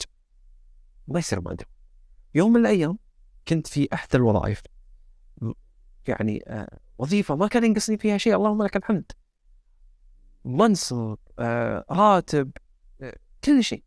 ولكن ما كنت أملك. فعليا ما تملك. فعليا ما أملك. ممكن تقول لي وليد توك تقول انه شلون ما تملك الوقت؟ سويت حق نفسي وقت. ما استسلمت للظروف ضمن الدوام يعني كنت أكلمك بذاك بذيك الوظيفة أنا عندي أسرة عندي عيال عندي بيت. كنت أداوم سبع ونص الصبح أنا لازم أطق كرتي أطلع من الدوام غالبا الساعة خمس الساعة ست. طيب على ما اوصل للبيت فعليا ما عندك وقت. ما عندي وقت. أنا قدامي تقريبا ثلاث ساعات. يا هلا يا دوب اكل أرتاح شوي وأرد أنام مرة ثانية. أساس أقدر أشحن نفسي اليوم اللي بعده. كنت أبي أقرأ كتاب. ما كان عندي وقت إني أقرأ كتاب. أبي أطور نفسي ما ابي أتم على نفس المرحلة. ما عندي وقت. كنت آخذ تليفوني وأصور صفحات الكتاب وادشهم حق نفسي إيميل. لأن بكمبيوتر كان مقفول ما أقدر أشوف ما أقدر أدش مكان. ادس حق نفسي إيميل. بحيث إن إذا كان عندي شغلي كله كمبيوتر تقريبا تسع ساعات عشر ساعات كمبيوتر فقط ما ما أقدر يا دوب اقوم أصلي وأرجع. مرات يعني أصلي وأسبب مشكلة يعني كلم الربع سدوا مكاني ولا ما أقدر. ادس حق نفسي ايميل بصور الكتاب صفحات الكتاب. فقبل لا أطلع من البيت أصور خمس صفحات وادسهم حق نفسي ايميل بحيث إن إذا كنت في الدوام عندي دقيقة ولا دقيقتين ولا ثلاث دقائق أفتح بسرعة الإيميل المرفقات وأطالع الصورة. أقرأ صفحة الكتاب. فشلون يجيني شخص يقول لي ما عندي كتاب؟ ما ما عندي أصل. ما عندي وقت. ما عندي وقت. كلنا عندنا وقت. اي مسألة أولوية؟ هل أنت حاب أنك تصنع هذا الفارق أو لا؟ أه قبل لا ندش على الجزء الثالث من المال اللي هو الادخار في شغلة أه مصاريف الناس تعتبرها لازم أدفعها أو لازم أسويها اللي هو القرض إيه. توظفت وأنا عمري هذا 20 سنة 24 سنة. راتبي كامل خلاص ببدأ حياتي بتزوج. ففي في واحد من ربعي يسميه package القرض package الزواج. إيه. تاخذ قرض 25000 30000 حولها. تشتري سيارة جديدة تسوي عرسك ترتيبات عرسك هذا مثال الناس تسويه للقرض اللي اللي, لابد منه يعني عشان أبلش حياتي. فهل ممكن مع الإدارة المالية إني أستغني عن القرض أو آخذ القرض وأرتب حياتي مرة ثانية؟ غالبا اللي كان مبلش بداية مشوار. تو متوظف. هذا الشخص يقدر بإذن الله يصنع الفارق إنه ما يلجا حق ال- القروض. ولكن إذا إحنا بنتكلم حق شخص. لا خلاص أنا وعيت على الغلط انتبهت على الغلط يعني فلا أنت مجبور يعني إنك تاخذ تمويل في إحدى البنوك. ولكن خليك حريص وواعي وحازم بقرارك. لا تقول إن أنا أبي أروح البنك. قبل لا تروح أنت لازم تكون مخطط. أنت حق شنو تبي تاخذ الفلوس؟ احسبها. ورقه وقلم أنا أبي أشتري سيارة. سيارة حاجة. ما نختلف صح؟ ولكن نوعها رخبة سيارة حاجة. نوعها رخبة أنا بالإمكان اليوم أركب تويوتا. بالإمكان أركب بورش. كان أركب شفر. كان أركب رينج. خيار راجع لكن الرغبة تلعب دور اكتب رغبتك. تبي أساس أسف اكتب حاجتك. حاجة تشتري سيارة. خليك منطقي برغبتك. اشتري سيارة بالمعقول. كذلك احسب مصاريف الزواج. اللهم لك الحمد. أغلب الدول خصوصا الدول الخليجية فيها مساعدات من الحكومة حق الزواج. فعنده مساعدات من الحكومة. حط بعين الاعتبار خلينا نعتبر هذه الإضافة. على هذه المساعدات أو على هذا المبالغ اللي هو قاعد يحصلها. اكتبها اكتب المصاريف اللي أنت تبي تسويها. لأن افترض وصلت لمرحله محتاج تمويل 10000 15 قرض 10000 ولا 15000 روح وأنت معزم على 15000 ولا 20000 ليش؟ لأنك من تروح هناك تنسى نفسك. تشوف قرضك مثلا نفترض على ثلاث سنين. يقول لك إن قرضك لنفترض 300 دينار. يقول القصد طيب. قصدك. ال- القصد. اسف يقول لك طيب إذا أنت ال ال اذا أنت كان القرض ال- القصد مالك 300 دينار ترى لو خليتها على خمس سنين بيصير 250 دينار. أوكي. 250 أحسن خمس سنين. وفي فوائد راح تزيد عليك. حتزيد زين. ترى لو خليتها على 15 سنة شو أقل ترى راح يطلع لك آه، 60 بدال أنت جاي تطلب 20 ترى راح يطلع لك 60 يطلع لك 40 بس ها الفوائد على 15 سنة يطلع لك 200 دينار. بكل الأحوال جاي لمدة ثلاث سنين أو خمس سنين 300 زيد المدة كل الناس قاعد يزيدون المدة. زيد المدة. واخذ تمويل أعلى ورتب أمورك. غراءات هذه. قرات حسب تقول من ترضى؟ مبروك قرأ الضعف بالفقر إحنا ما نقول نعمم. على اللي يشتغلون كذي؟ لا. ولكن ممكن يرجع عند الشخص نفسه. ممكن الشخص نفسه هو يسأل. هو اللي بادر حتى مو الموظف. هو اللي بادر زين إذا أنا خليت 20 كم قصدي؟ والله 300 دينار. أوكي. لو خذيت أربعين ألف ولكن زدت مدة سنوات كم قصدي كم قصدي 250 ألف. آه 250 دينار. 250 دينار ولا شيء ما أخذ أنا فوق 20 ألف مثلا بجيبي فيبتدي يطيح بالفخ. هذا اللي راح يدخله في دوامة ال خلينا نقول ال- الحساب يعني المشكلة مش ب... مو بالقرض إنك تاخذ قرض. المشكلة اختيارك إيش كنت تاخذ وايش زين شنو مشكلة القرض الأساسية؟ هل هي بالأرباح؟ اللي بياخذها من البنك؟ ولا المشكلة القسط نفسه؟ لأن الحين في أرب... في قروض حسنة. الحين شالوها. أرباح. الحين شالوها مرة. يعني صار القروض الحسنة وقفت. وصارت يعني حطوا شيء مقارب للقرض الحسن. أو ما يسمى القرض الحسن ولكن حسبتها مختلفة تماما عن اللي صار في السابق. يعني الفكرة مشكله القرض هل هو بالقسط ولا بالأرباح اللي يأخذها من؟ الاثنين هو يعني يعتمد على نوع البنك. في نوعين من البنوك في النوع الأول وفي النوع الثاني. اذا كنا نتكلم عن خلينا نقول A و B. الاي هو راح يقول لك ناخذ منك أرباح. في حال إذا سكرت القرض راح تطيح الأرباح. في النوع الثاني اللي ما يتسمى آه، أرباح خلينا نقول آه، نقول المتاجرة. أو آه، نسميها آه، ما تتسمى آم، تسمى باسم نحاول مرابحة تسمى مرابحة. فالغرض من التمويل راح يعطونك اياه أو طريقته طريقة مختلفة تماما عن الطريقة الأولى. حلو. لكن بالنهاية انت راح توصل في, في نهاية المطاف راح توصل انه أنت عندك مبلغ زيادة نحط على القرض مالك. لابد إنك تسدده. في الاستراتيجية أو في في آسف في النمط الأول. في النمط الثاني راح توصل أيضا في نهاية المطاف إن أنت راح تدفع مبلغ غير المبلغ اللي أنت كنت محتاجه في البداية. فبالاثنين أنت راح تدفع مبلغ زيادة. واحد. زائد إنك ماخذ فوق حاجتك فالقصد متعبك المدى البعيد. اخذ قرض. اخذ على قد حاجتك. على فترة قصيرة.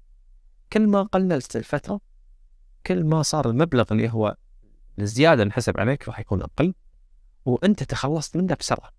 خلاص إنه مدة ثلاث سنين وأنت للحين مرحلة الشباب. خلص. قبل لا تدش الثلاثينات. ليش تعاني مدة 15 سنة؟ انت بنص الثلاثينات أنت يا دوب توك مخلص. قرض ترى مو شوية. اما أغلب الناس ترى أغلب الناس أغلب الناس. هي خربانة خربانة. فل ليمت 40% من راتبك 40% من راتبك والبعض يقول لك 15 سنة قدام 15 سنة أنت قاعد تدفع 40% من راتبك طيب شنو كان لك 60%؟ يعني قسم 60% كم بتحط ادخار؟ كم بتحط التزامات أخرى عندك اياها؟ كم بتحط لك مصرف؟ ترى تعاني 15 سنة تذكر هذا الشيء في البعض يقول لك من البداية ليش احطه 15 سنة؟ آه راح آخذ آه، مثلا أو منو يعطي 60000 أو 70000 الحين صار في هبة جديدة. يجي لك الشخص يقول لك أنا أبي قرض أبي ارمم بيت صدق يروح ويتعب ويتعنى ويطلع وما يثبت إن هذا حق البيت و و و و إلى آخره. آخر شيء هو هدفه مو حق البيت هو هدفه يبي يشتري سيارة يبي يسافر يبي يشتري له الساعة الفلانية يبي يشتري له الأمور الكماليات هذه. ممكن في أشياء حاجات ولكن الحاجات جزء منها معتمد على الرغبات فهذا القرار اللي سواه بدل لا إنه يكون زين صار شيء. آه، في سالفة جديدة وفي شغلة لا هي مو- موجودة من زمان يعني بس في ناس الحين بدات تزيد عندها. موضوع الجمعيات. إيه. تأيدها؟ نوعا ما ايدها ولكن أميل أكثر إنه ما لا، الحين بدل إنه في الجمعيات أنواع في على 10 شهور في على 20 شهر على سنتين. صح. بالنهاية عندنا تضخم قاعد نعيش بتضخم. إيه. أول كنا نطلع بخمس دنانير شو نسوي؟ أوه خمس دنانير. دخل السينما ما عشاء. عشاء. أورد فيه تاكسي. عرفت؟ ما كان عندي سايق. خمس دنانير. قبل خمس دنانير شو تسوي؟ الحين شو تسوي؟ اي ما تسوي شيء اليوم. ما تسوي ليش في معدار في في مقياس تضخم؟ طيب أنت ممكن تقول لي وليد يعني ما راح يوصل التضخم هالكثر مدة ستة اشهر ولكن في فرص. ممكن تطوف خلال هالست أشهر. متى تأيد الجمعية؟ الجي... الجمعية اأيد إذا كان لهدف واضح. على سبيل المثال أنا أبي أسافر. حلو. و... وما ما عندي أي آه، مدخرات ولا عندي أي مبلغ. وأنا شخص أصرف. وأبي أسافر بعد ستة اشهر بهالحالة أقول لك توكل على الله خليك جمعية. تضمن نفسك إن أنت ما تصرف خلال هالست اشهر والمبلغ موجود تروح تسافر. بس هذا مو نفس الشيء مجرد فلوسي قد احطها بشيء استهلاكي؟ مو نفس المشكلة؟ إي لا نفس المشكلة أكيد. نفس المشكلة انه استهلاكي ولكن لجأ حق الجمعية. ولكن قبل آسف قبل الجمعية واستعان بهذه الطريقة بحيث إنه هو يلزم نفسه إنه يجمع. بالنهاية هو سافر. أيوه بناء عشان تكون أفضل من خمس سنوات. بالضبط اي لكن في النوع الثاني يقول لك أنا بالجمعيه على أساس ادخر وأجبر نفسي إن أنا أجمع خلال هذه الفترة. وبعد ستة أشهر يعطيني لي 2000 دينار. بدل أنا ما قاعد أجمعها كل شهر. هذا غلط. ليش ها أنا ازم نفسي. أنت سويتها ما عندك هدف نهائي. أنت هدف نهائي مالك إنك تدخر تستثمر. طيب أنت ممكن خلال هذه الأشهر في فرص تصير بالسوق طيب نبي نتكلم عن الاسهم مثلا بنتكلم عن الذهب. فرص في أشياء طاح سعرها وايد. أستثمر فيها. أشتريها. على الأقل مع الوقت راح يعطيني مردود. وأكون مستفيد من هذا الشيء. من هذا القرار اللي أنا ماخذه أحسن من ما أني أحط الفلوس وأربطها لمدة ستة أشهر. ما راح أستلم إلا بعد ستة أشهر أو بعد سنة. أو بعد سنتين راح أستلم المبلغ.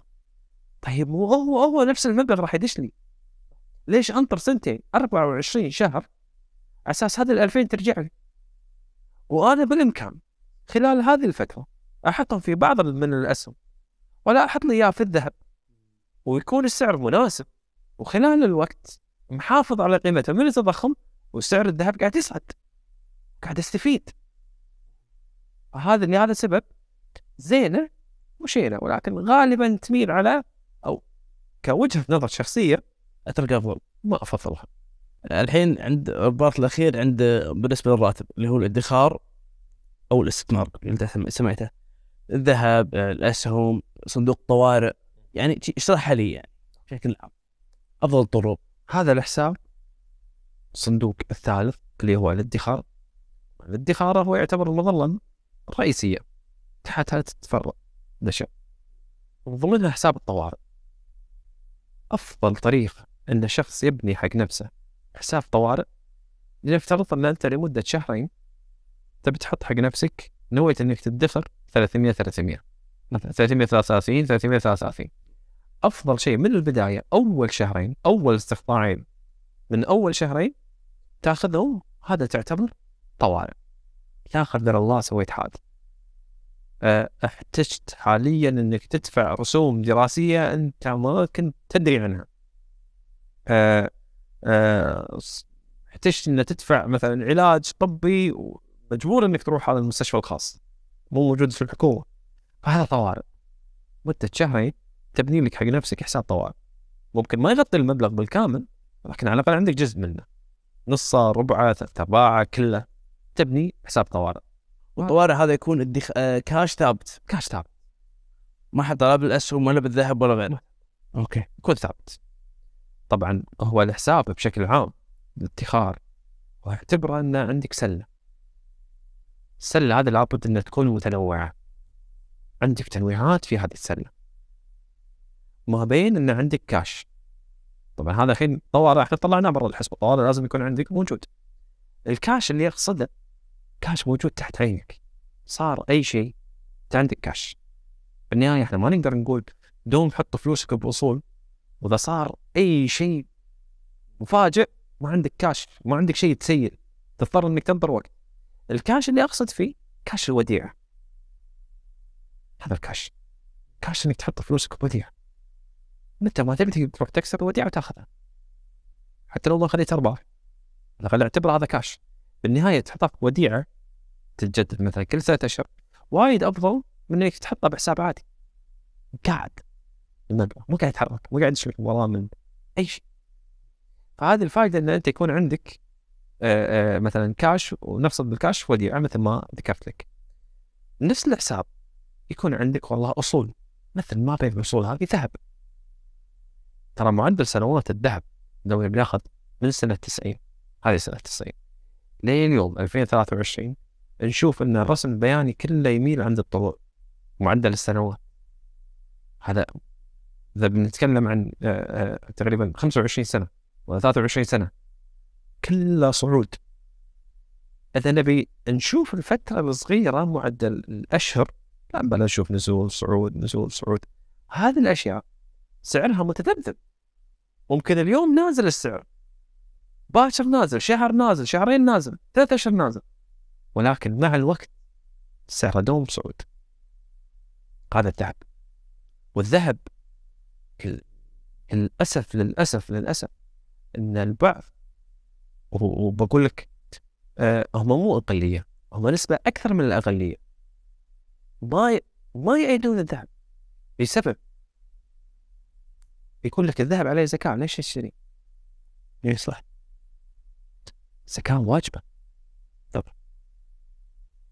إذا كان حساب موجود عندك مال حساب بنك حال عليه الحول لابد إنك تطلع زكاة إذا كان عندك أسهم حال عليها الحول طلع عليها زكاة. إذا كان عندك حلال حال عليها الحول. قصدك إن الذهب مثل مثل باقي ال- الأصول؟ يحتاج زكاه ولكن الناس مو وصلت لهم هذه الفكرة. مو الكل ما عمم يشوف إن الزكاة هي سلبية كبيرة للذهب. الزكاة على على كل مسلم. شاب مسن صغير كل مسلم لابد إنه يدفع زكاة زكاة واجبة على المسلم. مو منحصر على الذهب. فمو منحصر بس على الذهب. ليش الناس تعمل الذهب؟ لهذا السبب. لأن كل يسمعون إنه زين زكاة الذهب. زين وزكاة الذهب.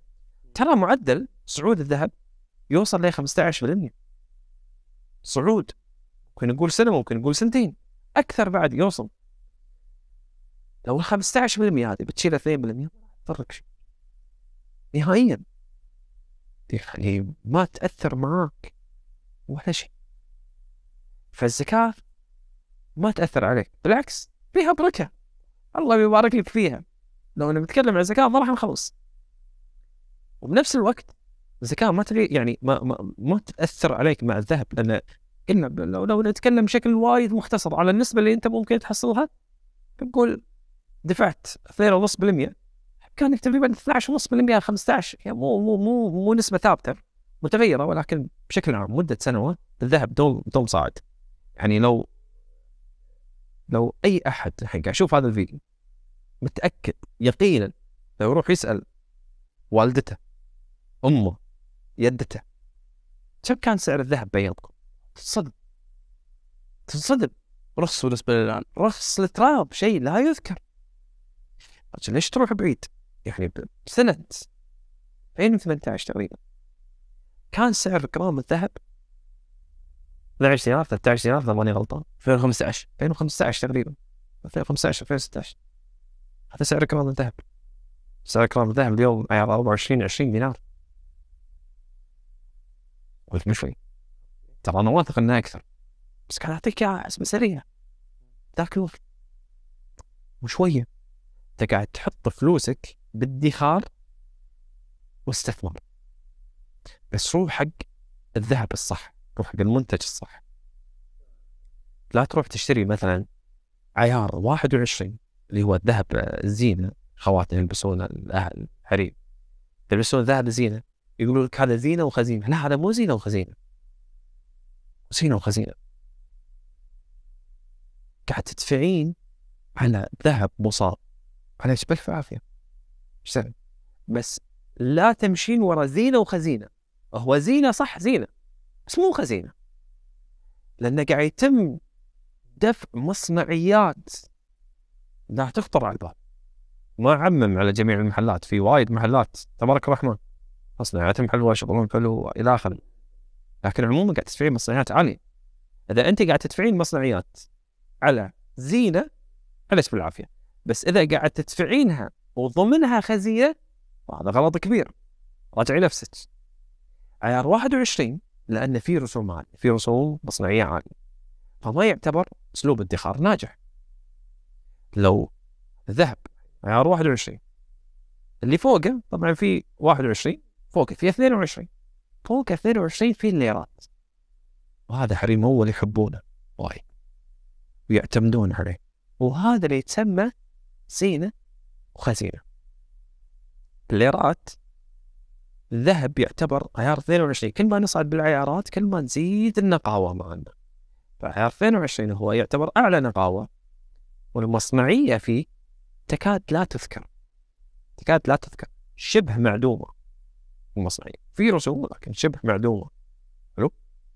نفس الوقت الشخص ياخذ ادخار وبنفس الوقت يبدأ يركب عليه نفس براويز ثانية تنباع من محلات الذهب تصير زينة. فهذه زينة وخزينة. يبقى عندنا النوع الأخير اللي هو عيار 24 وعيار 24 هو هي سبائك. سبائك الذهب.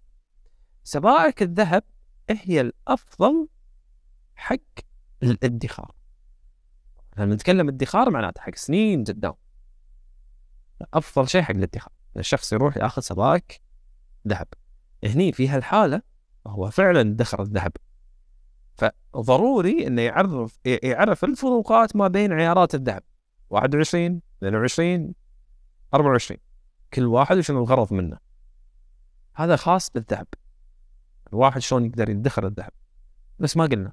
الذهب تشتري اليوم ممكن بعد شهر يوم ساعة طاح سعره لا تتأثر. شوف المدى البعيد. التعريف بالمدى البعيد يختلف من كل مكان لمكان. ولكن أنا أقول لك إياها ما فوق خمس سنوات ست سنوات تصنفه مدى بعيد. ثلاث إلى خمس سنوات هذا للحين ضمن المدى المتوسط. فوق الخمسة وستة وأنت طالع هذا المدى البعيد. ليش تو قلت لك المدى البعيد ممكن يصير باكر؟ ممكن أنا أشتري اليوم بهدف إنه خليه ادخار بنفس الوقت سعره يزيد. وهذا الهدف منه ست سنين عشر سنين ذا الله أحيانا. بس ممكن باكر الذهب فجأة صعد. ففعليا بيوم وليلة ظرف ليلة وعشاء صعد الذهب. لا تعامله ال- الاستثمار. إحنا اليوم قاعد نعيش تغييرات قاعد تصير. هذا بنقولها؟ بالدولة بالخليج بالعالم. وأقرب مثال كورونا. أزمة عالمية جائحة صارت على العالم كله. حتى أن راودنا أن القطاع الصحي شلون هو من أهم القطاعات مع أنه معروف أن القطاع الصحي من أهم القطاعات ولكن الناس ما كانوا معطين هذاك الأهمية ولكن لما صارت أزمة صحية عالمية كبير. هذا بأزمة كورونا أغلب الأشياء طاحت. وين راحوا؟ شركات في شركات بلا نجحت.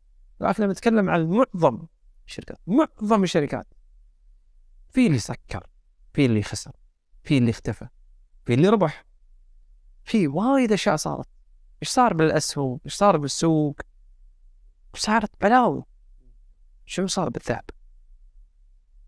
ارتفاع كبير ليش؟ لأن الذهب يصنف من الملاذ الان دول تأمن على نفسها باحتياطي ذهب. فما بالك إحنا كأفراد شلون نأمن على نفسنا بالذهب؟ فلا يصير المنظور انه بس أبي أستثمر وفي فرق كبير ما بين الاستثمار والادخار. الاستثمار معناته أنا اليوم عندي ألف دينار. لمدة 12 شهر أبي ربح 10% هذا هذا هذا استثمار. وفي فرق إذا أنا قلت هذه الألف دينار أبي أدخرها والهدف أحافظ على هذا الألف دينار بالإضافة أحافظ على قيمتها وخليها أما حق يوم الأسود إن شاء الله ما نشوف هذا اليوم وأما لهدف مستقبلي بإذن الله مقبلين عليه. هذا الفرق بين الادخار والاستثمار.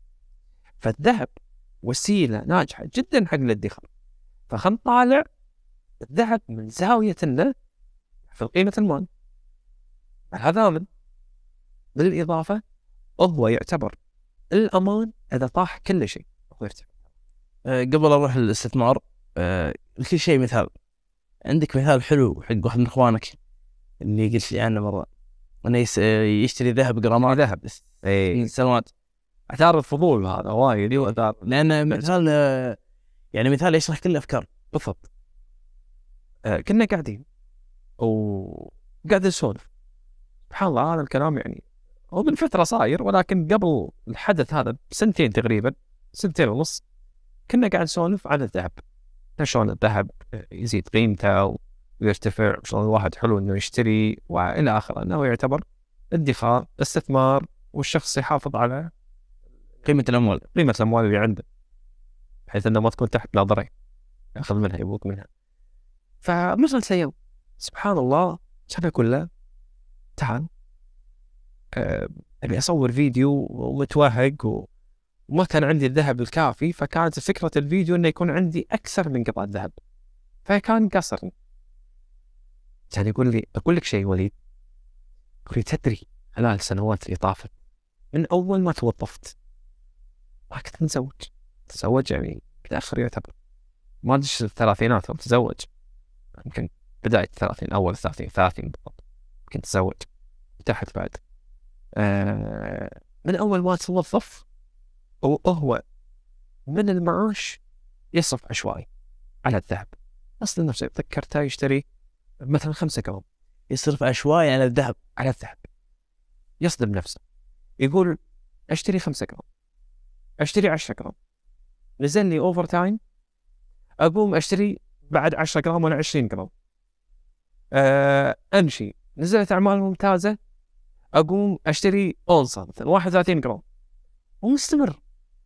لكن أغلبية الذهب من السبايك اللي هو شاريهم ترى 5 جرام 10 جرام 5 جرام ترى نتكلم فيها يمكن فيها 100 دينار الحين. حلو؟ طبعا الحين. لما ارجع لك بذاك الوقت. وكم سنة صار الموضوع؟ كم سنة صار الموضوع؟ كم صار؟ تقريبا يمكن صار صار له أبي أقول لك أربع سنين خمس سنين يعني قيسها في ذاك الوقت. كم كان سعر الجرام فاليوم لما أقول لك يا 95 يمكن ذاك الوقت كان إذا ماني غلطان وخايني التعبير يمكن شيء و70 واخذ فيقول لي اليوم أنا عندي قريب الكيلوين ما ذكر كنا قال لي كيلوين إلا أو كيلوين لنفترض إن قلناها كيلوين قيمة الكيلو.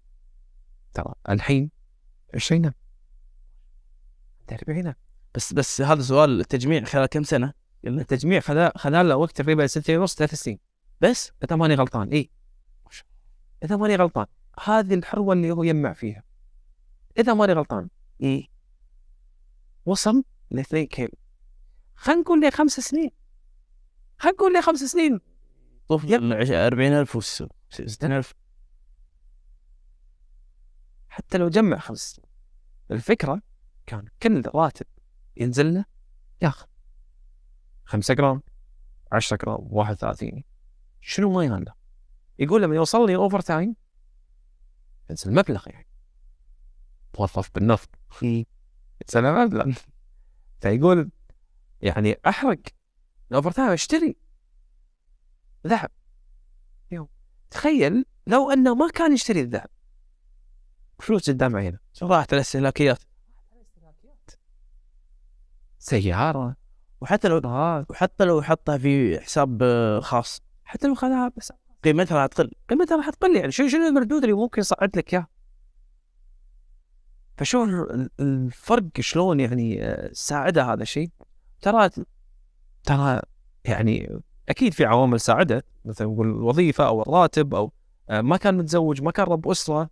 فكان يعني عنده القابلية إنه يشتري أكثر من مرة ولكن ترى كان يسافر.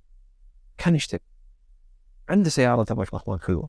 عند ك- ك- كله ترى من معاشه. ما عنده مدخول ثاني. لا لا زال. لليوم ترى ما عنده مدخول ثاني. غير الراتب. ولكن حسن الاداره مالية. تصرف صح من البداية. وصل لهذا المبلغ. زين هذا الادخار طرقه بالذهب وشيء الاستثمار شنو؟ اللي هو إحنا قلنا على البدايه عنه انه آه، ارباح سنوية مثلا. اي نعم. الاستثمار لما أنا إيه أقول اليوم أتعو... أتعلم مهارة وأطلع منها مدخول. وهذه من أكثر الأشياء اللي أستمتع أشتغل فيها.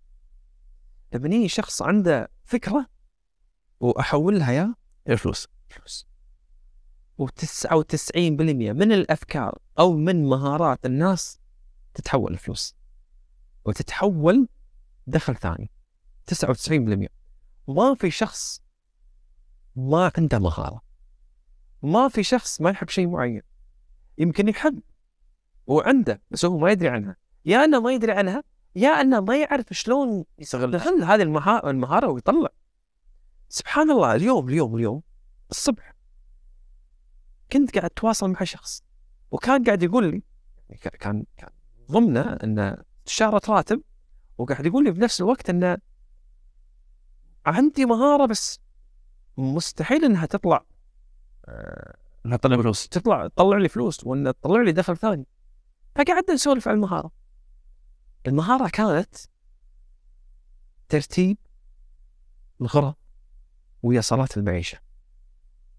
من ناحية مساحات تخزين من ناحية ديكورات. شلون ما تطلع دخل ثاني والله دخلت أنا شلون اكتشف إن هذه مهارة أصلا؟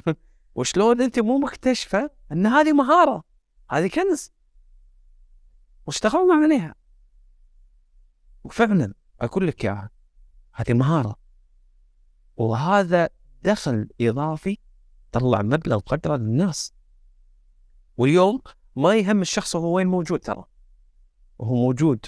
بالكويت ولا موجود المريخ الصين وين موجود؟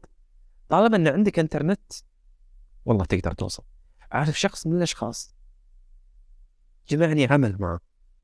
وهذا الشخص كان بدولة ما تساعده نهائيا إنه ينشئ فيها مشروع. اشتغل من أو اشتغل في مجال عن بعد يسمونه الفريلانس. قبل لا يروح قبل لا يسوي كان يحب شيء اسمه كانفا هو يحب التصميم والصور والتعديل ولكن مو متطور مو احترافي حيل. فراح آه تعلم على كانفا كانفا عبارة عن موقع تصمم فيه بوستات ما بوستات وكذي وتحط وكان ما يبي يطلع نفسه. نهائيا ما بيطلع نفسه حق الناس. تعلم على موقع Canva آسف application Canva عبارة عن تصميم. لين ما أتقن كل شغلة ب Canva اليوم حسابه انستغرام في عدد كبير من المشاهدين. اليوم بنفس الوقت قدر يفيد أصحاب مشاريع ويوقع معاهم عقود إنه يدير آه، حساباتهم الانستغرام بحكم إنه مبدع جدا. في مهارة الكانفا أنشأ كتيب شلون ممكن آه، تستفيد من كانفا بالإضافة هي آه، محتواه في الإنستغرام يعلم الناس ويسوي دورات. تقدر تطلع منها فلوس. وهو بدولة نهائيا ما تساعده. يعتمد على وقته واعتمد على شيء يحبه مهارة. هذا بحد ذاته يتسمى استثمار. أنا اليوم لما أكرس يوميا خمس ساعات ست ساعات عشان أتعلم شيء واحد وحتى لو ساعة واحدة وأقط عليها ميزانية بسيطة. بقول لك 100 دينار مدة شهر ولكن هذه ال 100 دينار راح ترد لي بعد أربع أشهر خمسة أشهر 500 دينار. هذا الاستثمار. أنا حددت ال 100 دينار هذه ممكن ترد لي 500 دينار. كذلك نفس الشيء. موقع إلكتروني. ممكن أشتغل في ال e-commerce خلينا نقول المواقع الإلكترونية إن أبيع منتجات فيها. عندي موقع إلكتروني وأبيع منتج. جبت منتجات وسويت. اليوم تحتاج مجبل ساعة واحدة ساعة واحدة تنشئ موقع إلكتروني خاص فيك مقابل 30 دينار 100 دولار ساعة واحدة. ساعة ثانية تطلب منتجات من برا ومن الصين وبأرخص الأسعار وتوصل لك خلال حسب المكان بس خلينا نقول من من أسبوعين إلى ثلاثة أشهر تجيب المنتجات عندك. منتجات هم على حسب المنتج اللي أنت تبيه بس ممكن تخلص أمورك كلها ب 3000 دولار. 3000 كويتي ممكن تخلص بنص المبلغ هذا. فأنت قدرت أنك تبني موقع إلكتروني وتبيع منتجات وتطلع حق فلوسك مدخول تطلع حق نفسك مدخول. يرتب حياتك أنت ومعيشتك أنت وترتب مستقبلك فيه. من خلال الانترنت الانترنت ووقتك اللي قاعد تصرفه. من اللي راح يعينك على هذا الشيء؟ حسابك الادخار الفلوس الاستثمار اللي أنت حاطه. تقدر تطلع بعطيك حسبة سريعة تذكر من بداية حلقة البودكاست اللي سويناها قلنا يفترض إن أنت عندك 300 دينار حق كل حساب صح؟ إن عندك حساب شخصي تصرف فيه 300 دينار وعندك حساب مدخرات 300 دينار بعد سنة إذا الله أحيانا من هذه 300 دينار تقريبا حساب المدخرات بيكون فيه 4000 الا صح؟ تخيل نفسك هذه ال 4000 تنشئ فيه متجر إلكتروني تجيب منتجات وتبيعها. واللي قاعد يطلع لك من المتجر الإلكتروني نفس الشيء قسمنا ثلاث حلو؟ فشنو صار عندك بحساب الادخار؟ هذا دشيت الثاني سنة. أنت صار عندك قاعد تدفع من معاشك 333 وقاعد تاخذ من حساب الادخار. يعني افترض أن أنت قاعد يدخل عندك بالشهر 1000 دينار. وإذا أنت كان عندك موقع إلكتروني وشغال عليه صح ومختار المنتج والجودة والتسعيرة الصحيحه مستحيل ما يجيب لك بالشهر مستحيل. إذا أنت مجابل مستحيل ما يجيب لك جاب لك 1000 فمعناته أنت قاعد تحط 333 من حسابك من راتبك وقاعد تحط 333 من المشروع. بعد سنة. تعمل بدال 4000 عندك 8000 بالإضافة مجبل. بحسابك الشخصي. أنت كان عندك 333 حق نفسك. استهلاكين من الاستهلاكات قاعد تدفع. من المشروع من باب النفس لها حق. أنت قاعد تاخذ 333 حطيتها مع مصروفك الشهري. صار عندك 633 تصفى بالشهر. أنت خليت أو رقيت معيشتك رقيت مستقبلك. الإضافة شفت صندوق الالتزام؟ قاعد يدش فيه مبالغ. باكر أنت بصندوق هذا. ممكن يغطي لك سيارة. مع ان أنا ضد إنك تاخذ سيارة كاش. ولكن هذا صندوق التزام. أقدر أقدر اسكر لي قسط سيارة. أنا كنت ماخذ على نفسي. أقدر اسكر لي قرض. فتخيل إني أسكر القرض ولا اسكر قسط سيارة. الفلوس وين راحت؟ دشت عندي مرة ثانية بالمصرف. صحت عندي مصروف. كل ما حياتي قاعد تترقى. كل ما مستقبلي قاعد يترقى. هذه كلها من البدايات. بدون هذه البدايات ما راح تقدر توصل حق هذا المستوى من اللي إحنا قاعد نوصله مستوى الترقيات. زين.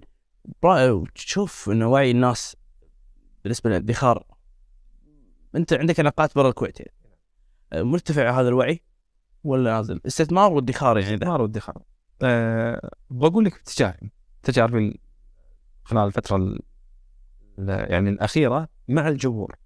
اتعامل مع الجمهور من زمان وفي هذا المجال من زمان. ولكن بقول لك الانطباع اللي صار. أول كانت مسألة أو ثقافة الادخار كانت سيئة سلبية كانت. اللهم لك الحمد بالفترة الأخيرة قاعد أشوف كم كبير من الناس كانوا يركزون بالادخار وبالاستثمار وصار الوعي أكثر وأكثر وأكثر على هذا الشيء. ولكن إذا بنقول سابقا أو بنقارن الحين الأغلب أو من صوب خلينا نقول الأجانب أكثر من العرب ما هو في مسألة الادخار. نفس ما ذكرت لك إن المعيشه وظروف الحياة تفرق ما بيننا إحنا وما بينهم هم هناك هم لهم ظروف حياتية ولهم أسباب تخليهم إجباري إنها يدخرون. إحنا لنا أسباب ولنا ظروف ممكن ما تجبرنا إلى هذا الحد إن ندخر ولكن بشكل عام إحنا مجبورين ترى ندخر ولكن أنا نتكلم ك من باب تساهيل الأمور والحياة. تفرق. فلهذا السبب هم أعلى منا بسبب نقول الدول أو مختلف ثقافات الدول. أه بس ختاما نبي نرجع حق البداية. قبل الحلقة كنا نسولف عن الصحة الجسدية. اي نعم انها مرتبطة بال الاستثمار أو بالمال يعني خلينا نقول نجاح المال نجاح المال اي إيش نحب الكلمة؟ أه قبل لا يعني أتمنى كل شخص يجرب هذه الشغلة. سواء كان أه يحب يطور نفسه في مجال العمل في مجال المشاريع الخاصة في أي مجال كان. جزء الرياضة ترى لها تأثير كبير على الصعيد الشخصي. بعد الأمور الدينية ما الشخص يرتقي في الروحانية الروحانية والقرآن والصلاة أكيد. ما بعد ذلك كثير رياضة. في ارتباط كبير يكون إذا الشخص قاعد يمارس رياضة في سبحان الله في الهرمونات اللي هي أو أو المؤشرات اللي هي تنمي العقل يخلي الشخص يكون في روح متجددة طاقة متجددة بالعمل. لهذا السبب راجع كل الناجحين أو رواد الأعمال الناجحين في هذا المجال. راجع روتينهم وراح تلاحظ إن الأغلب يقول لك اصحى مبكرا كون بخمسة الصبح. أربعة. كون صلي الفجر؟ وقعد. تمرن تمرينك. وأكل أكل صحي. ولاحظ نفسك شلون خلال اليوم تصير. أهدافك راح تتغير. نفسيتك راح تتغير. إنتاجيتك راح تتغير. أنت بكبرك راح تتغير. شو أهداف تغير من الرياضه؟ كل شيء يتغير من الرياضه أنت اليوم ترى مو أنت نفس الشخص اللي راح يكون بعد سنة نفس الأهداف. لهذا السبب دوم تبي أصلا حتى خطتك تكون متجددة معك. أنت مو نفس الشخص اللي كنت قبل خمس واللي قبل أربع سنين. من الأهداف. كل ما الشخص أهدافه تتغير. ممكن إحنا اليوم يكون عندنا أهداف حق خمس سنين. هذا يسمونه ال vision الرؤيه وعندنا ال mission نقول المهام اللي قاعد نسويها. يعني عندنا نظرة قصيرة وعندنا نظرة طويلة. خلال مسيرتنا للنظره الطويلة. راح تتغير النظره مرة ثانية لأنك أنت أنجزت جزء كبير من الهدف اللي أنت قاعد تمشي له. تمشي حق هدف ثاني. طالما أنت تبي توصل حق الهدف مالك من السيء إنك تستمر لهذا الهدف. أنت وصلت عند الهدف. صح وصلت الهدف. حققته. أول ما تحقق تجاوز. تجاوز. تجاوز حط لك هدف ثاني. لابد إنه يكون عندك أكثر من هدف. ولكن في فرق. وفي معلومة وايد مهمة. إحنا نسميها أو نقولها ومذكورة أيضا في كتاب اسمه سيكولوجية المال. أنا بشرحها بالعامي يقول لك لا تحرك العارضة. عارضة كرة القدم. لا تحركها. أنت لما تلعب كرة قدم شنو الهدف مالك؟ إنك تسدد الكرة في المرمى. صح؟ في العارضه تبيها داخل العارضه أساس يتكون يتسدد لك الهدف. يقول لك لا تحرك العارضة لا تدنيها في ناس تلقاه وهو قاعد يمشي. يبي يروح قاعد يطالع. في إنجاز واصل عند الهدف. يقوم يطمع. يحرك العارضة قدام يدسها قدام كل ما يحرك العارضة كل ما صعب عليه وصول حق الهدف. راح يوصل في نهاية المطاف. خسر ما ما دخل ولا جول. ما دخل ولا جول. ضاعت منه الكرة. وهذا اللي يصير. حتى في مجال مثلا الاستثمار. شركة قاعد تنجح قاعد تجيب أرباح قاعد تسوي قاعد تسوي قاعد تسوي. ما يأخذ الأرباح يأخذ أرباح. ما ياخذها لنفسه ما عنده صحة مالية. ما يأخذ الارباح يقوم يضخ الأرباح على افرع زيادة يضخ الأرباح على منتجات زيادة يضخ الأرباح على تسويق. يضخ يضخ يضخ بهدف انه راح اربح زيادة. هذا هو قاعد يزيح العارضه قاعد يبني عارضه راح يوصل راح يوصل في مرحلة راح تتغير معاه الأمور. تغيرت معاه الأمور معناته الحال ما راح يتم مثل ما هو عليه. ما راح يوصل حق الهدف. ممكن ممكن هذول الناس دشت عليهم أزمة كورونا. دشت الأزمة هو ما استفاد للحين راح كل شيء. فما في صحة مالية. ليش؟ لأنه دلنا العارضه فهذا لازم يكون بعين الاعتبار. لا الشخص يخلط ما بين إنه يدني العارضة وما بين الرؤية. إنه يكون عنده رؤية متجددة. فنبي نتفادى هذا اللص مشكور على وقتك يا وليد. استمتعنا. أنا استمتعت أكثر. الله يجزاك خير. وان شاء الله الناس استفادت يعني من يا رب. الفكرة إن شاء الله. وندعوهم للتواصل معاك يعني لل- الاشتراك في الاداره الماليه أنا متأكد 100% راح يستفيد. إن شاء الله يا رب. إن شاء الله. ان شاء الله أجمعين يا رب. نشكر